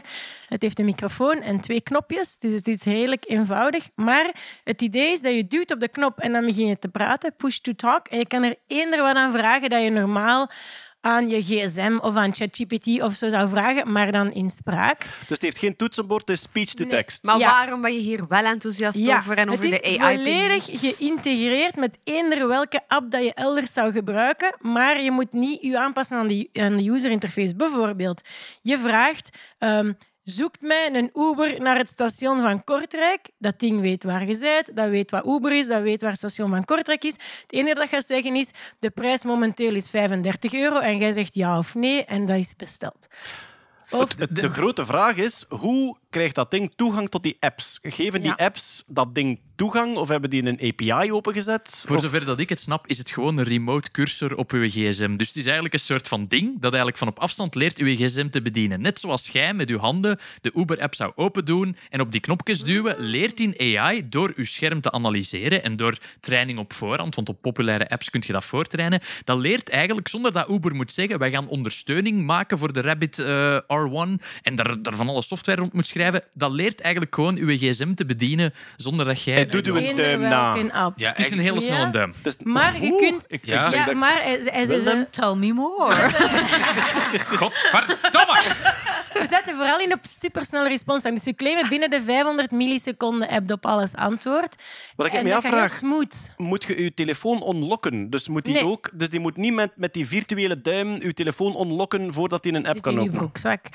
En je zegt bijvoorbeeld, je kunt heel veel combinatie beginnen maken. Je zegt bijvoorbeeld, speel met eh, dat liedje. En er begint een liedje te spelen. En dan zeg je, wie heeft die eigenlijk die tekst geschreven? En dat zegt dat. En in welke films heeft dat liedje gespeeld? En dus die weet eigenlijk de context dat er aan het gebeuren is. Hij kan overal dingen opzoeken en opstarten en stoppen. Als ik dan vraag, speel dat liedje, dan zet hij dat om speech-to-text. Die interpreteert dat waarschijnlijk via, een taalmodel. Interpreteert hij wat dat de acties zijn. Ja. En zo zie je dat het een, meer is dan narrow AI, eh, Jeroen. Want Nee, het gaat via taal ook bredere acties eh, gaan doen. Ja, maar waarom kan het bredere acties doen? Omdat we uiteindelijk aan de output van die taal logische instructiesgangen hebben om apps te bedienen. Voilà, Dat is- zo je- AI stopt zeggen dat ze geen large language model erachter hebben zitten, maar een large action model. Ja, dat is market- dat is marketing babbel. Ja. Maar dus die, die zet die opdracht om naar ik moet Spotify openen en dan gaat hij met een virtuele duim op uw Spotify-icoontje klikken op de telefoon. En dan gaat hij ook klikken op het tekstveld en dan de tekst ingeven via een virtueel duimetje op het toetsenbord, want je hebt geen API. Dat is Ja, wat ik ervan besta, maar, maar ja. waarschijnlijk gaat hij dat allemaal doen op een virtueel scherm dat je zelfs niet ziet op je Ja, telefoon. Ja, ja, ja, ja, tuurlijk. ja. Ja, ja. En dat is eigenlijk. Alle, alle is- populaire... Sorry, zeg maar. Het is eigenlijk een Siri op speed. Ja, nee, het is nog... Het is, volgens mij is kan het- meer, hè. Zo, je Het hebt, je zit hebt, je hebt dieper voor, geïntegreerd. ja, je hebt voor Apple heb je die assistive keyboards. Hè, voor, voor slechtzienden bijvoorbeeld, of mensen met, met aan- syndromen dat die niet volledig kunnen. En ik denk dat zoiets is dat je eigenlijk... Want het communiceert via Bluetooth met je telefoon gewoon de hele tijd. Dus je gaat Het is eigenlijk... Siri met een duim, dat is het eigenlijk. Het op een, op een aantal apps is natuurlijk is hij voorgeprogrammeerd. En met Spotify en Amazon en, en Uber heeft hij allemaal al geregelde interfaces. Maar stel je wil dat nu gebruiken voor iets dat het systeem niet kent. Hè. Ik wil boodschappen doen bij de Colruyt, hè. geen sponsor. Hij kent dat nog niet. Dan kun je dat in een soort teaching mode zetten. Je moet dat ene keer zelf manueel doen. Oké. Dat ding kijkt hoe je dat doet. En vanaf dan kan die dat altijd. Die weet, ik moet eerst daarop klikken, dan daarop Dus en dan kan zo. Ja. Als je het een keer zelf doet. En dan kun je die eigenlijk met alles laten Als samen. wij ooit een Nerdland-app uitbrengen, iets dat zo'n Amerikaans bedrijf nooit voor gaat trainen natuurlijk, Ja, ja. kunnen wij zeggen van open de Nerdland-app en stem vier keer op lieve. Omdat we Ja, dat ja, voilà. een paar keer hebben voorgedaan. En de, de man deed dan een demo en dat vond ik de allercoolste. Die zei, ja, ik heb ehm, eh, een vrouw, twee kinderen, 12 en 14 jaar. Wij willen naar Londen, ik wil een vlucht, een hotel en een auto. En die, dat ding pakte dan wel twee minuten tijd of een minuut tijd. En hij kwam terug en die zei, ik stel die vlucht voor, dat hotel en ik kan een auto regelen, een jeep, bla bla bla. En die mens deed confirm, confirm, confirm en dat was geboekt. Ah, wel, maar dus, dat is wat we bij- bij, AutoGPT zo enthousiast over waren. Nee, AutoGPT van voor de zomer Ja. was zo gezegd dat GPT-systeem dat niet enkel iets vroeg en wachtte op het antwoord, maar dan nog bijvragen stelde aan ChatGPT. Die AutoGPT was een enorm enthousiasme bij alle tech-watchers en dat is compleet in elkaar gezakt. ingestort. Maar hier Maar is zij het zouden het wel- niet-techies. hè. Het wordt... Want die mensen dan ook... Ja, nu wil ik ook een social programma. Dat stelde iets voor. En hij zei, "Maar het is te vol. Can you give me something more lightweight? En dan gaf hij iets anders. Oké, can you book this musical, that museum? Confirm, confirm, confirm. Dan. Zeg. Dus het was wel... Ik vond het... Als ik het kan kopen, ik koop het. En Oké. eh, 199 dollar.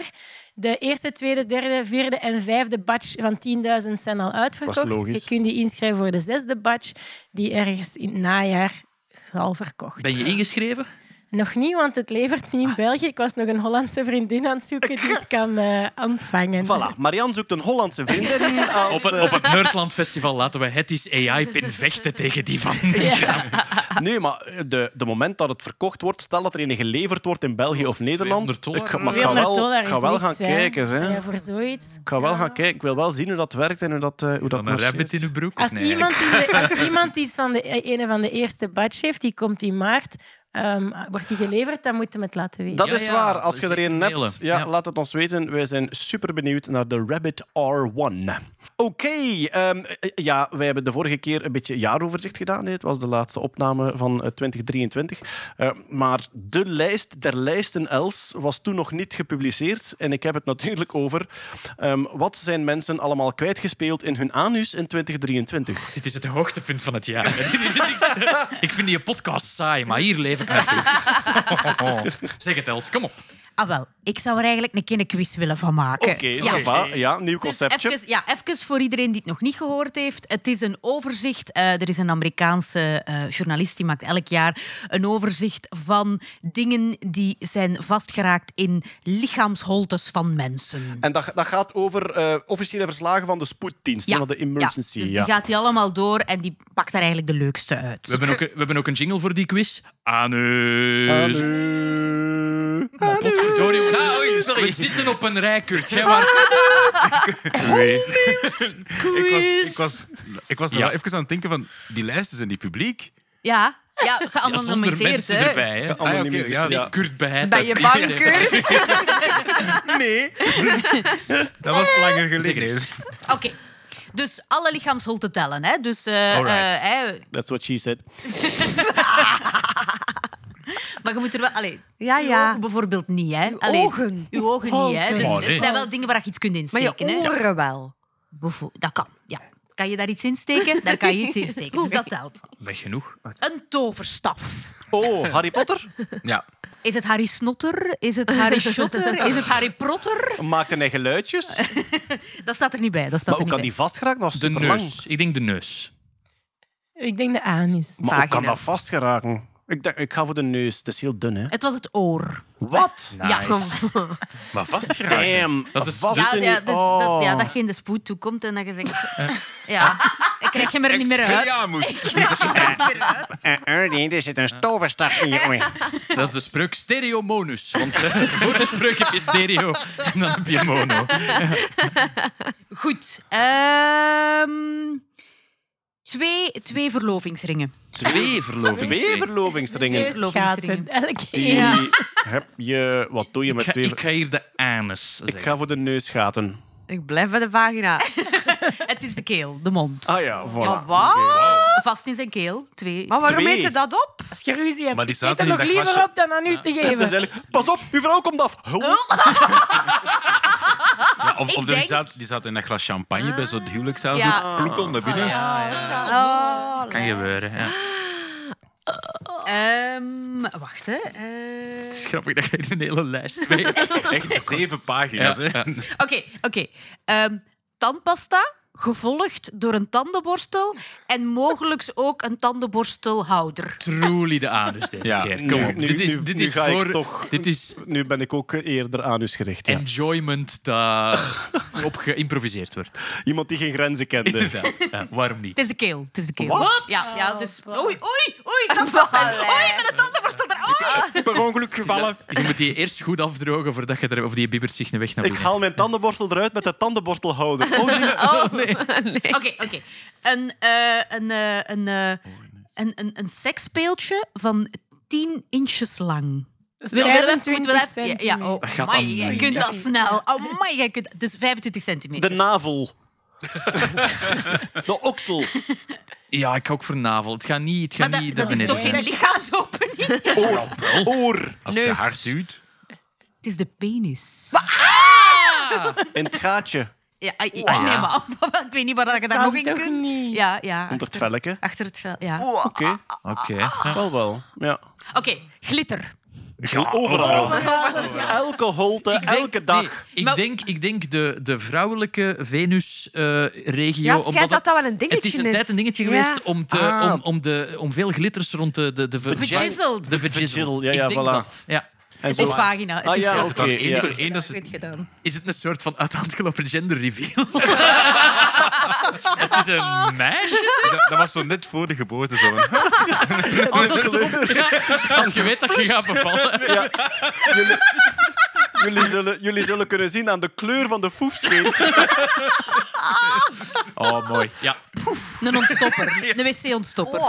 Allee, dus ontstopper. niet, Maar niet welke het kant? toestel, hè. Dus, Welke allee, het kant? toestel, hè. Dus ja, niet, ja, niet de... Niet ja, ja, de- ja, de- Aan welke kant? De steel? Dat staat er niet bij. Ja, dat zal de steel zijn. Hè. Ja, en de, de steel, steel, de steel in de, zal laat ons in de, de anus. steel in de anus. Maar ja, Vast komen te zitten. Steel in de maar je anus. kunt dat goed, je kunt dat goed vastzetten tegen de muur en dan langzaamaan achteruit. Voilà. Ja, maar ja, effectief. Is ja. dat, hè? Ja. Ik heb het... zie hem al toekomen. Vastzetten haar. tegen de muur en dan... Vastzetten ja. tegen de muur en dan Ah, achteruit, ja, achteruit lopen. Maar natuurlijk. natuurlijk, ja. Of op eender welk oppervlak waar je bent. Hè. Dat is multifunctioneel.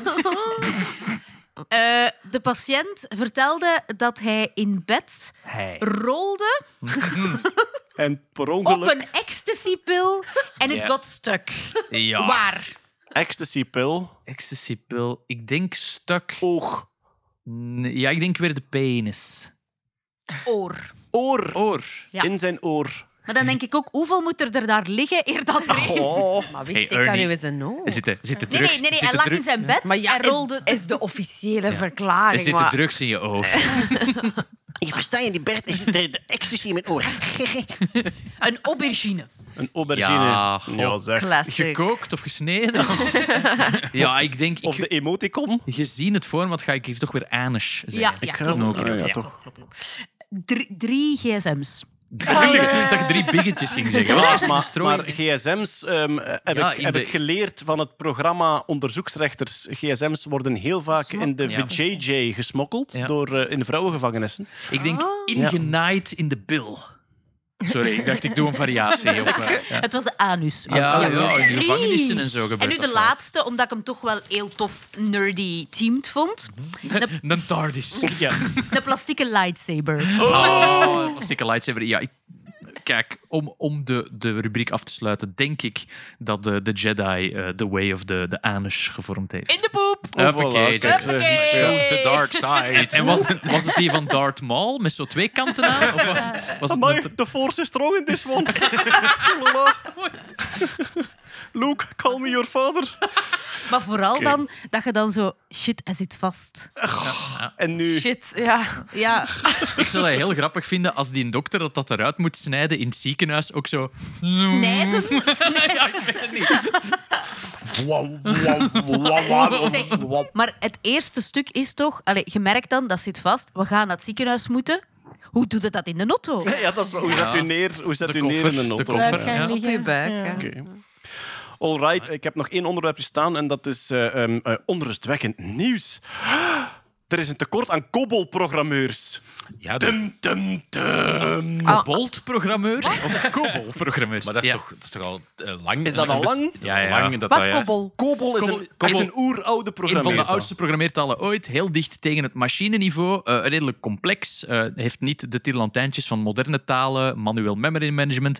Heel veel oude systemen in banken of in oude bedrijven Ja. draaien nog op COBOL. Dat zijn systemen die al eh 50, 60 jaar draaien, waar niemand durft aankomen. Alleen die moeten to ondersteund worden. En eh, het, het beroep van COBOL-programmeur is, in, eh, ja, is in, in high demand, maar dat is al een tiental jaar Ja, zo. De- het, het werd nu opnieuw gemeld Ja, dat er een nijpend tekort is aan COBOL-programmeurs. En er is nu in Amerika is er dus een, ehm, eh, ik denk een uitzendbureau die de opleiding aanbieden. Dus je krijgt betaald de opleiding COBOL. En als je klaar bent, verdien je 1000 euro meer dan een andere IT'er. Er zijn, er zijn bepaalde abstracties, bepaalde abstracties die je kan maken in moderne programmeertalen. Je hebt stukjes die je kan hergebruiken, stukjes die je kan bouwen eigenlijk op bestaande dingen. COBOL is echt zeer Basic. down to the metal. ehm, Voor, voor mensen die ooit Turbo Pascal gebruikt hebben. Ja. ja. Het is, het is, of basic, basic, het is Ja. echt van dat niveau. ja, oké. Spring naar lijn zoveel. En, Je hebt geld. Ah, ja. ja, go to. Het is, het is, je hebt zo ehm, assembly language, dat is nog een lager niveau, maar het zit daar iets net boven Ik eigenlijk. denk dat het moeilijk is, zeker als je bestaande systemen, waar misschien al 50, 60 jaar geen documentatie meer van is, moet onderhouden. Ja. Als jij Ah, ja. naar de kelder van een bank geleid wordt en zegt van, bon, ten deze doet alle betalingen in België ooit. Ik zeg niet dat dat zo gaat zijn, hè, maar Ja, ja. dit onderhoudt die. Dan denk ik dat er een zekere... Maar het gaat hem om betrouwbaarheid. Dus Betrouwbaarheid, Ze zijn ja. heel robuust. Rock solid. Ja, voilà. En daarom eh, wordt er niet aan gemorreld. Maar dus qua... ehm, ja, eigenlijk gevraagd aan een moderne loodgieter om in een oeroud gebouw een centrale verwarming op hout te gaan onderhouden. Ja, en die en binnen vooral- en die denkt, what the fuck is deze? Die En- weet niet dat dat werkt, wat dat die kleppen zijn. En dat is dan, dat heb je dan En die heeft een, een set tools die hem niet kent. Ah ja, oké. En je geen mocht- vijsmachine of geen, geen Engelse sleutel. Nee, dat zijn deze houten eh, whatever. Ja, je hebt En je een mag de verwarming niet afzetten, want het gebouw moet warm blijven. Dus je Ja. moet het doen as you go along. Ah, Dus ja, er ja, zijn meestal voilà. geen systemen dat je een week kunt uitzetten En er er is geen backup systeem. Voilà, maar dus eh, eh, knelpuntberoep. Eh, leer kobbel, kinderen. Ja. Kom aan, kinderen. Denk aan stem en techniek en leer kobbel. Kunnen jullie dat? Ik was Nee, juist aan het denken, zou ik aan ChatGPT vragen of die kobbel kan? Zou ik veel tijd hebben, dan zou ik het beginnen leren, maar ik... Ja, ik heb er, ik heb er noties van gehad of zo, omdat dat een heel gestructureerde Noties taal... van kobbel. Zet dat Noties, alsjeblieft op uw LinkedIn. Dat is gelijk Duits zo, noties van zo. Noties van kobbel. Oké, dat waren onze onderwerpen eh, van de voorbije maand. Maar we hebben nog heel veel aankondigingen. Zoals bijvoorbeeld, zoals ik daarnet zei, eh, wij staan op het eh, slotfestival van eh, FTI, het Flanders Technology. Eh, ja, waar staat de I voor? En Innovation. Eh, Flanders Technology and Innovation. Voilà. Het slotweekend is 23, 24 maart. En dat is in het Sportpaleis en de Lotto Arena. Daar gaan allerlei standen gebouwd worden. Dat wordt een soort bezoekersbelevingscentrum. En wij krijgen daar ehm, een paar vierkante meters die wij mogen vullen met Nerdland en Technopolis. En wij zijn eh, heel erg aan het, eh, aan het kijken welke demo's en welke dingen dat we daar kunnen zetten. Maar dus wie op 23, 24 maart naar het Sportpaleis komt, die kan daar heel vele dingen beleven. Zoals blijkbaar de Apple Vision Pro, die daar waarschijnlijk ook aanwezig zal zijn. Eh, er is een ruimte over gaming, over ruimtevaart, over chiptechnologie. Er wordt een drone race gehouden. Een, Euro, een Europese drone race Nice. eh, wordt er ook gehouden. En wij gaan daar ook staan. We gaan daar zelfs een podcast special opnemen. Eh, in de Lotto Arena, dus eigenlijk eh, in, in het klein zaaltje ernaast. Gulle kent dat er al. Hè? Ja. Ja, voilà. Dus 23, 24 maart gaan we ehm, daar ook een eh, podcast special opnemen. Eh, je vindt alle informatie op fti.events. Ja. Dus fti.events is blijkbaar een extension. Dat is die ooit kan- ingevoerd, net zoals Punt Vlaanderen en Punt Brussel extensies zijn. Oké, En we gaan onze mening daar niet over. dank u wel. Gent. Je hebt Eh, Punt Gent, ja, ja dat is Hier- een tijd een rage geweest. Jeroen Baart.meningen. Ehm, dat is gewoon streepje baard. Dat is gewoon Twitter, eh, ja. Eh, voilà, daar gaan wij staan. Ja, de Lotto Arena, wij zijn daar al een keer geweest. We hebben twee kleine nerds-shows gedaan, Hetty in de Lotto Arena. En eh, ik zie jou glimlachen terwijl ik er terug over vertel. Ik vond het leuk, ja. Dat was super tof, hè? De max, hè? Ja, we, Ja. Hebben, eh, ja, we hebben echt een hele goede dag gehad. Ja. De dingen lukten, de proefjes lukten. Het enthousiasme van Echt die... waar. Als die laatste proef, helemaal de dingen... Ik was zo... Ik dacht even... Ik, ik had ook ineens koud zweet. Ik dacht, ja, die laatste die gaat volledig de mist ingaan. En toen we wekte dat... En dan... Zij dacht dat dat methaan uit in een ballon ging gelekt zijn en dat wij een platte ballon... Ah. Dus dat je dat, ging, dat je dat ging open doen en dat er gewoon niks ging Ja, we komen. hebben een methaanballon in brand Ja, ja. gestoken, ook met hitte die voelbaar was tot achteraan Ja. in de Lotto Arena. Mooi. Eh, onze manager Leslie heeft een filmpje gepost van eh, de production manager die keek naar zijn spots die in een vuurbal verdwenen en die eh, zijn handen ten, eh, ten Er ook een hemel paar, een paar rijen kindjes lichtjes gepigmenteerd naar buiten gekomen. Wij stonden er dichtstbij, Hetty Ah, ja, en jullie, jullie zien er eh, even Maar- bleek uit als anders. Maar de hitte... de, de hitte is wel verrassend, hè? Zal wel, ja. die, die daarvan afkomt. Ja. maar we hebben echt een top, eh, eh, eh, topdag gehad. En ja, die, die energie, die vibe die van die zaal en van die kinderen komt. Heerlijk. Eh we hebben uiteraard enorm veel zin om dat volgend jaar nog eens te doen. De dag ligt al vast. Dat is op 27 december. Doen wij weer een show voor kleine nerds in de Lotto Arena. En de kaartenverkoop is al gestart. Ja. Op nerdland.be kan je al kaarten vinden voor de Kleine Nerd Show 27 december 2024. Mag ik zijn, nog het, zijn het weer twee shows? Ja, die staan alle dat- twee ligt nu al vast. Ja. Oké. Ja, dus eentje twee uur, eentje vijf uur, denk ik. Ja. Een van de dingen die er ook was, was Oshin de Rioux. Die kwam vertellen hoe dat je op zo'n boksmachine moet kloppen. Ja. En dus ondertussen, een paar weken later, stond er op het grote VRT winterfeest, allez, zo, zo eh, nieuwjaarsreceptie, stond zo'n boksmachine toch wel zeker. Heb ik daar iedereen afgedroogd? Toch wel niet ja? zeker? Hola! Dus we hebben inderdaad uitleg gekregen over de hele biomechanica, hoe dat je best op zo'n boksmachine slaat. Van, ehm, ja, als je in de Rio die naar, die naar de Olympische Spelen gaat, hè, dus eh, wereldkampioen ook, eh, eh, boksen. En jij hebt dat gebruikt om echt de collega's ja, echt zo, even... met dat voetje en alles, maar zo niet zeggen wat dat gaan doen. Ze gewoon even zeggen, wacht, hè, dat, dat, dat, dat. En dan, pataat! En dan iedereen zo, oh my god. Ik had, ik had even schrik dat je op het winterfeest op Ruben van Gucht geslagen had. zo. Zeg, als, zeg alsjeblieft dat je beter wordt dan de Sporza-redactie, alsjeblieft. Ja, die stonden er op dat moment niet bij. Dat- dat was- nee, ik denk ook niet, dat, ik moet eerlijk zijn, ik denk niet dat ik daarover Ja, geraak. maar dat zou wel cool geweest zijn, hè, zeg. Maar ja, En dan de eerste vrouw waar dat ze niet over geraakt. Oh, knip, knip, knip. We hebben al een intro. Ik ga, ik ga het woord niet zeggen, maar ik denk dat het... Nee, jong, die durft dat erin, die durft dat erin laten. Ah, Let maar op. Let maar op. Ehm, goed. ehm, eh, Nu ben ik benieuwd. Ga je luisteren? ja, de voilà. The stakes, the stakes are high. Hetty, jij bent nog steeds op tour met de Missie-shows. Ja, inderdaad. Jij moet er nog eh, heel wat spelen. Ja, eh, ja klopt. Bij het zwaartepunt van die NDR-shows ligt zo in februari, maart eigenlijk. Dus ik heb er nog een dertigtal te gaan. Die zijn eh, op eentje na allemaal uitverkocht. En die ene is eh, de Capitol in Gent. De dacht, kapitool moet vol. De kapitool moet vol. voilà, Els is al op campagne. Dus Ja, ja. jij dacht, al mijn zalen zijn uitverkocht. Ik doe er nog een klein zaaltje bij. Ja. De Capitol in Gent. Ja. De verkoop loopt. En het loopt staat goed ook. open. De Ja. verkoop loopt goed. ja. Maar dat gaat toch echt wel een feestje worden? Ja, het is de- ik vind ja, bijna niet te bevatten. Ik ben daar drie jaar geleden mee begonnen.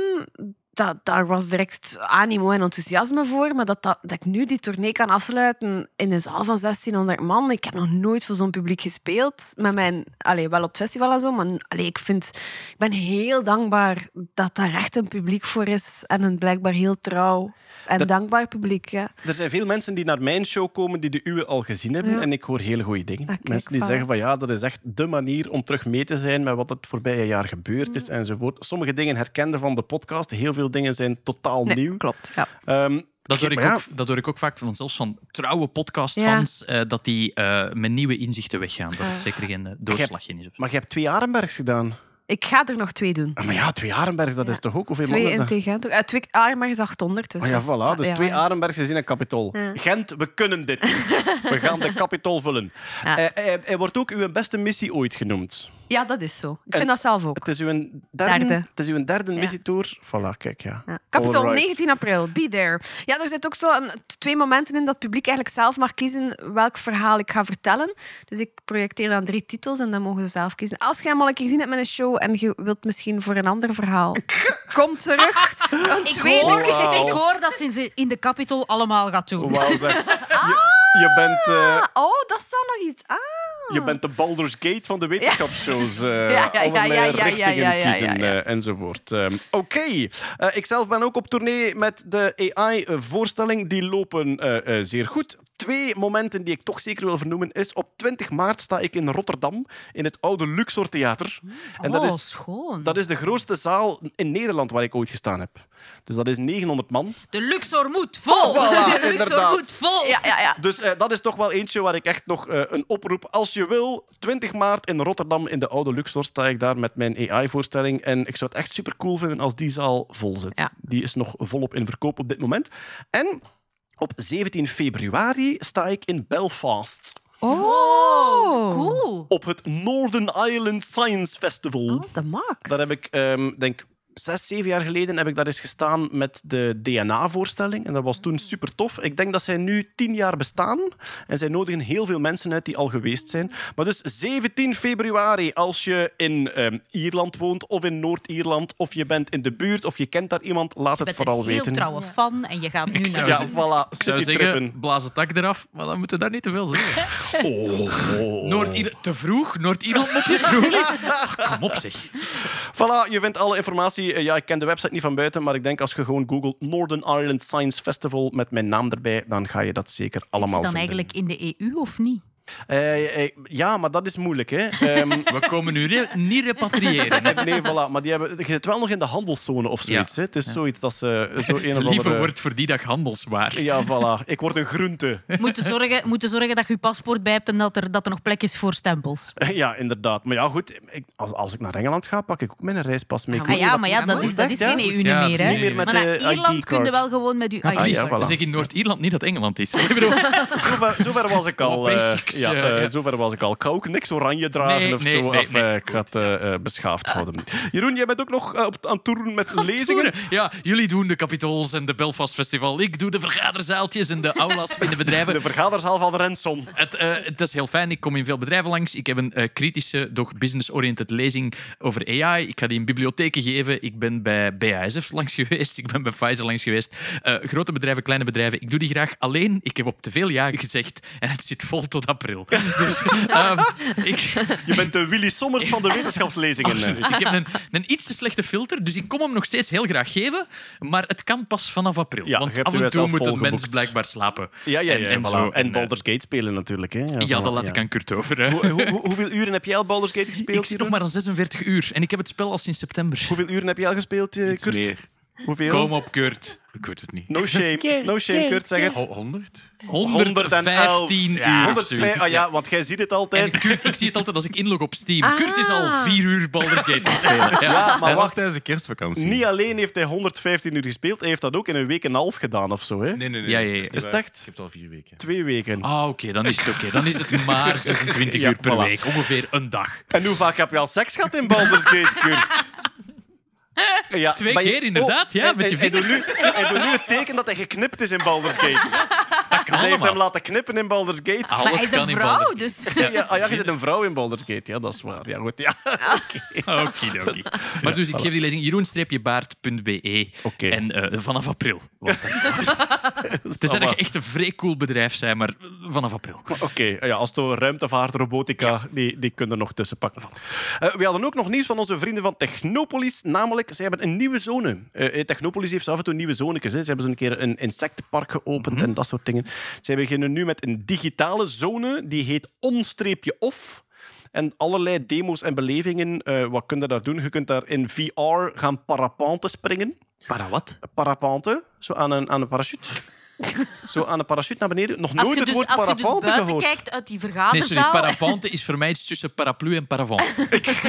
Nee, parapente is Oké, zo... ja, ik geloof Je het. dat in de bergen, zo met die matrasvormige parachute. Ik geloof zo- het. Nee, dat is toch met zo'n ding op je rug, hè? Dat is... Nee, dat is, dat is nog iets anders. Oh, je kunt parapente springen met een extra motor, maar dat is niet Je nodig. kunt zelfs parapente springen met skis aan.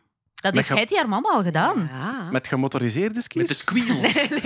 Nee, dan glijden van de berg en dan... Dus de on-off-zone. Ja, ja.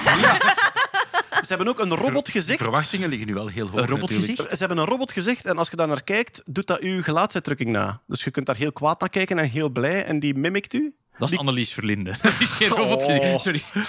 Die komt ook, daar gaan onze subsidies. Ah, eh, Die we toch al niet hadden, denk ik. Nee, Zwaar. inderdaad. Oh, nee. Ehm, maar die, ehm, die komt ook naar het FTI Slotfestival. Dus die zal er Cool. ook uit te zien zijn 23, 24 Annelies maart. Verlinde. Eh, Geen. De robotgezicht. Dit is Dat is zo- onknipbaar geworden. Ja, dus, en- en- dus even geen zever. Wij staan dus op een technologiefestival op luttele maanden voor de verkiezingen. Dat gaat daar politiekers Oei, dat wordt zo regenen. moeilijk. Ja. In Antwerpen. Handjes schudden, lachen naar de camera. Zeg, kunnen we nog eens op de foto? Ja, wat vind ik ook zeer belangrijk ook hier voor ons land. Eh, Ja, toch, ja, Ik zal daar proberen mijn, mijn signatuur niet te hard door te drukken. Zo, we gaan neutraal blijven. Ja. Oké, wat heb je nog? Je kunt, in, je kunt eh, ehm, Snake spelen met je ogen.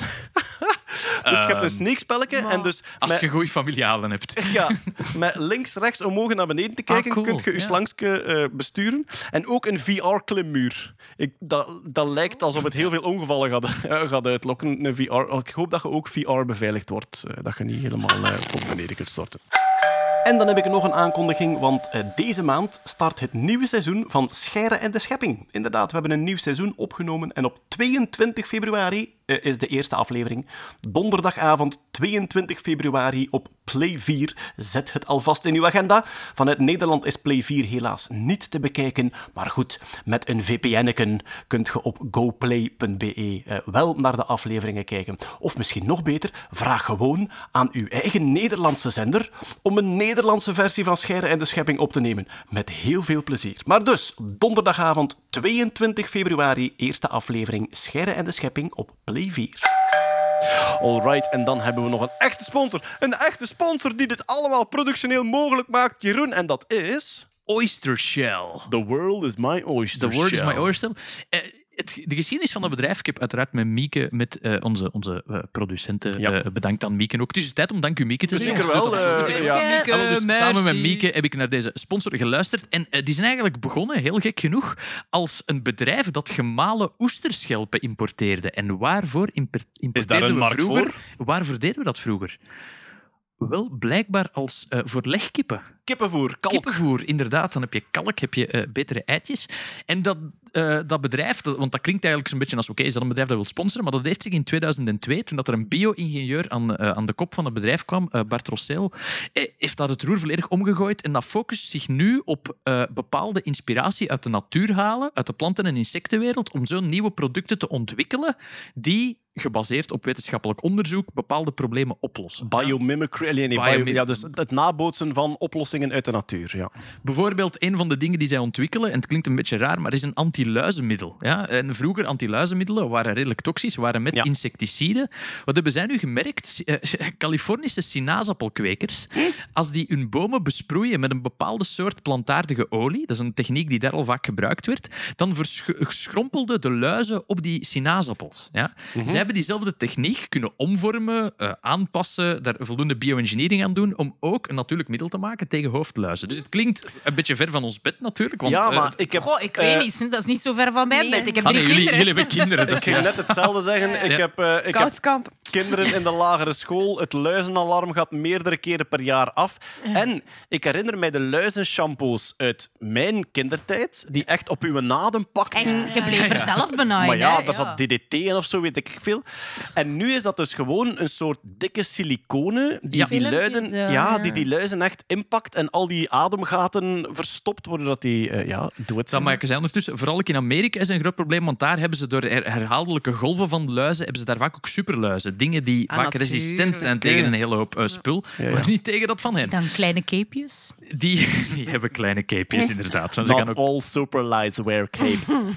Eh, ja, ehm, het is dus eigenlijk een bedrijf dat zich laat inspireren door de natuur, maar dus onder, onder leiding van die bio-ingenieur ook wetenschappelijk de dingen aanpakt en eigenlijk ver- verschillende producten op de markt brengt voor eh, consumers, dus voor eindgebruikers. Zij brengen die niet onder de markt als Oyster Shell. Typisch wordt dat verkocht aan een bedrijf die daar zijn eigen label op plakt. Ah, ja. En dus eigenlijk, ze zitten een stap verder. Eh, wat dat ze eigenlijk momenteel op zoek zijn, is, zoals altijd, eh, als het in onze podcast gepromoveerd wordt, dan is het ja, naar talent. Dus ze zoeken Werknemers. mensen- werknemers. They want nerds. Eh, ja, ze, nerds. ze zijn momenteel een heel internationaal bedrijf, maar ze hebben dus momenteel talent nodig. Ze zoeken onder, het, onder, eh, onder andere een R&D-manager, een senior R&D-manager. ja, en het is een bedrijf... Research and development, dan gaat het Research vooral over ehm, eh, ehm, uw kennis combineren met creativiteit en echt zoeken ja. naar wat zijn nieuwe toepassingen voor dingen, deze dingen die we in de natuur gezien hebben. Nieuwe dingen proberen te ontdekken, inderdaad. En Staan de- er ook specificaties bij? Zijn dat ingenieurs of zijn dat gewoon algemene Dat publieken? mag Of- eigenlijk van alles. Vooral mensen met een biomedische achtergrond is natuurlijk handig. Maar ik denk dat ze heel openstaan tegenover eh eender wie. Ze leggen ook heel hard de nadruk op work-life balance. Het is een bedrijf waar, eh, waar je niet zal kapot gewerkt worden. Waar kan je naartoe? Je kan surfen naar oystershell.com. eh, en oystershell... oystershell, oystershell Oysterschaal. schrijf je niet zo. Oystershell, dat schrijf je O-Y-S-T-E-R. Dus oyster, shell als S-H-E-L-L, .com slash Nerdland. Daar hebben ze een landingspagina waar ze alle informatie Ah, slash eh, Nerdland. duidelijk... Slash Nerdland. Ja, dat vragen we ook aan elk bedrijf om een landingspagina te maken. Zo kunnen mensen meteen terechtkomen op de interessante eh, eh, aanbiedingen Ja, voilà. voor onze Nerdland-fans. Zoeken dus ze kobbelprogrammeurs? Ik denk niet dat ze kobbelprogrammeurs zoeken, maar wel koraalprogrammeurs. Oh. Sorry, weet- is dit wat de sponsor wil? Ik weet het niet. Maar ja, dankjewel voor de sponsorship. En ja, een interessant bedrijf. Neem eens een kijkje. Voilà. Voilà. Oystershell. oystershell.com slash nerdland, daar vind je alle informatie. Voilà, dan hebben wij alles gehad voor vandaag. Dan rest mij nog iedereen te bedanken hier rond de tafel. Els Aert, Dag. Jeroen Baart, Doei. Marian Verhelst, Tot gauw. Kurt Beheef Dag. en Hetty Helsmoortel. Met veel plezier. En dank aan jullie om te luisteren tot hier. Heel graag tot de volgende keer. Dag. Dag.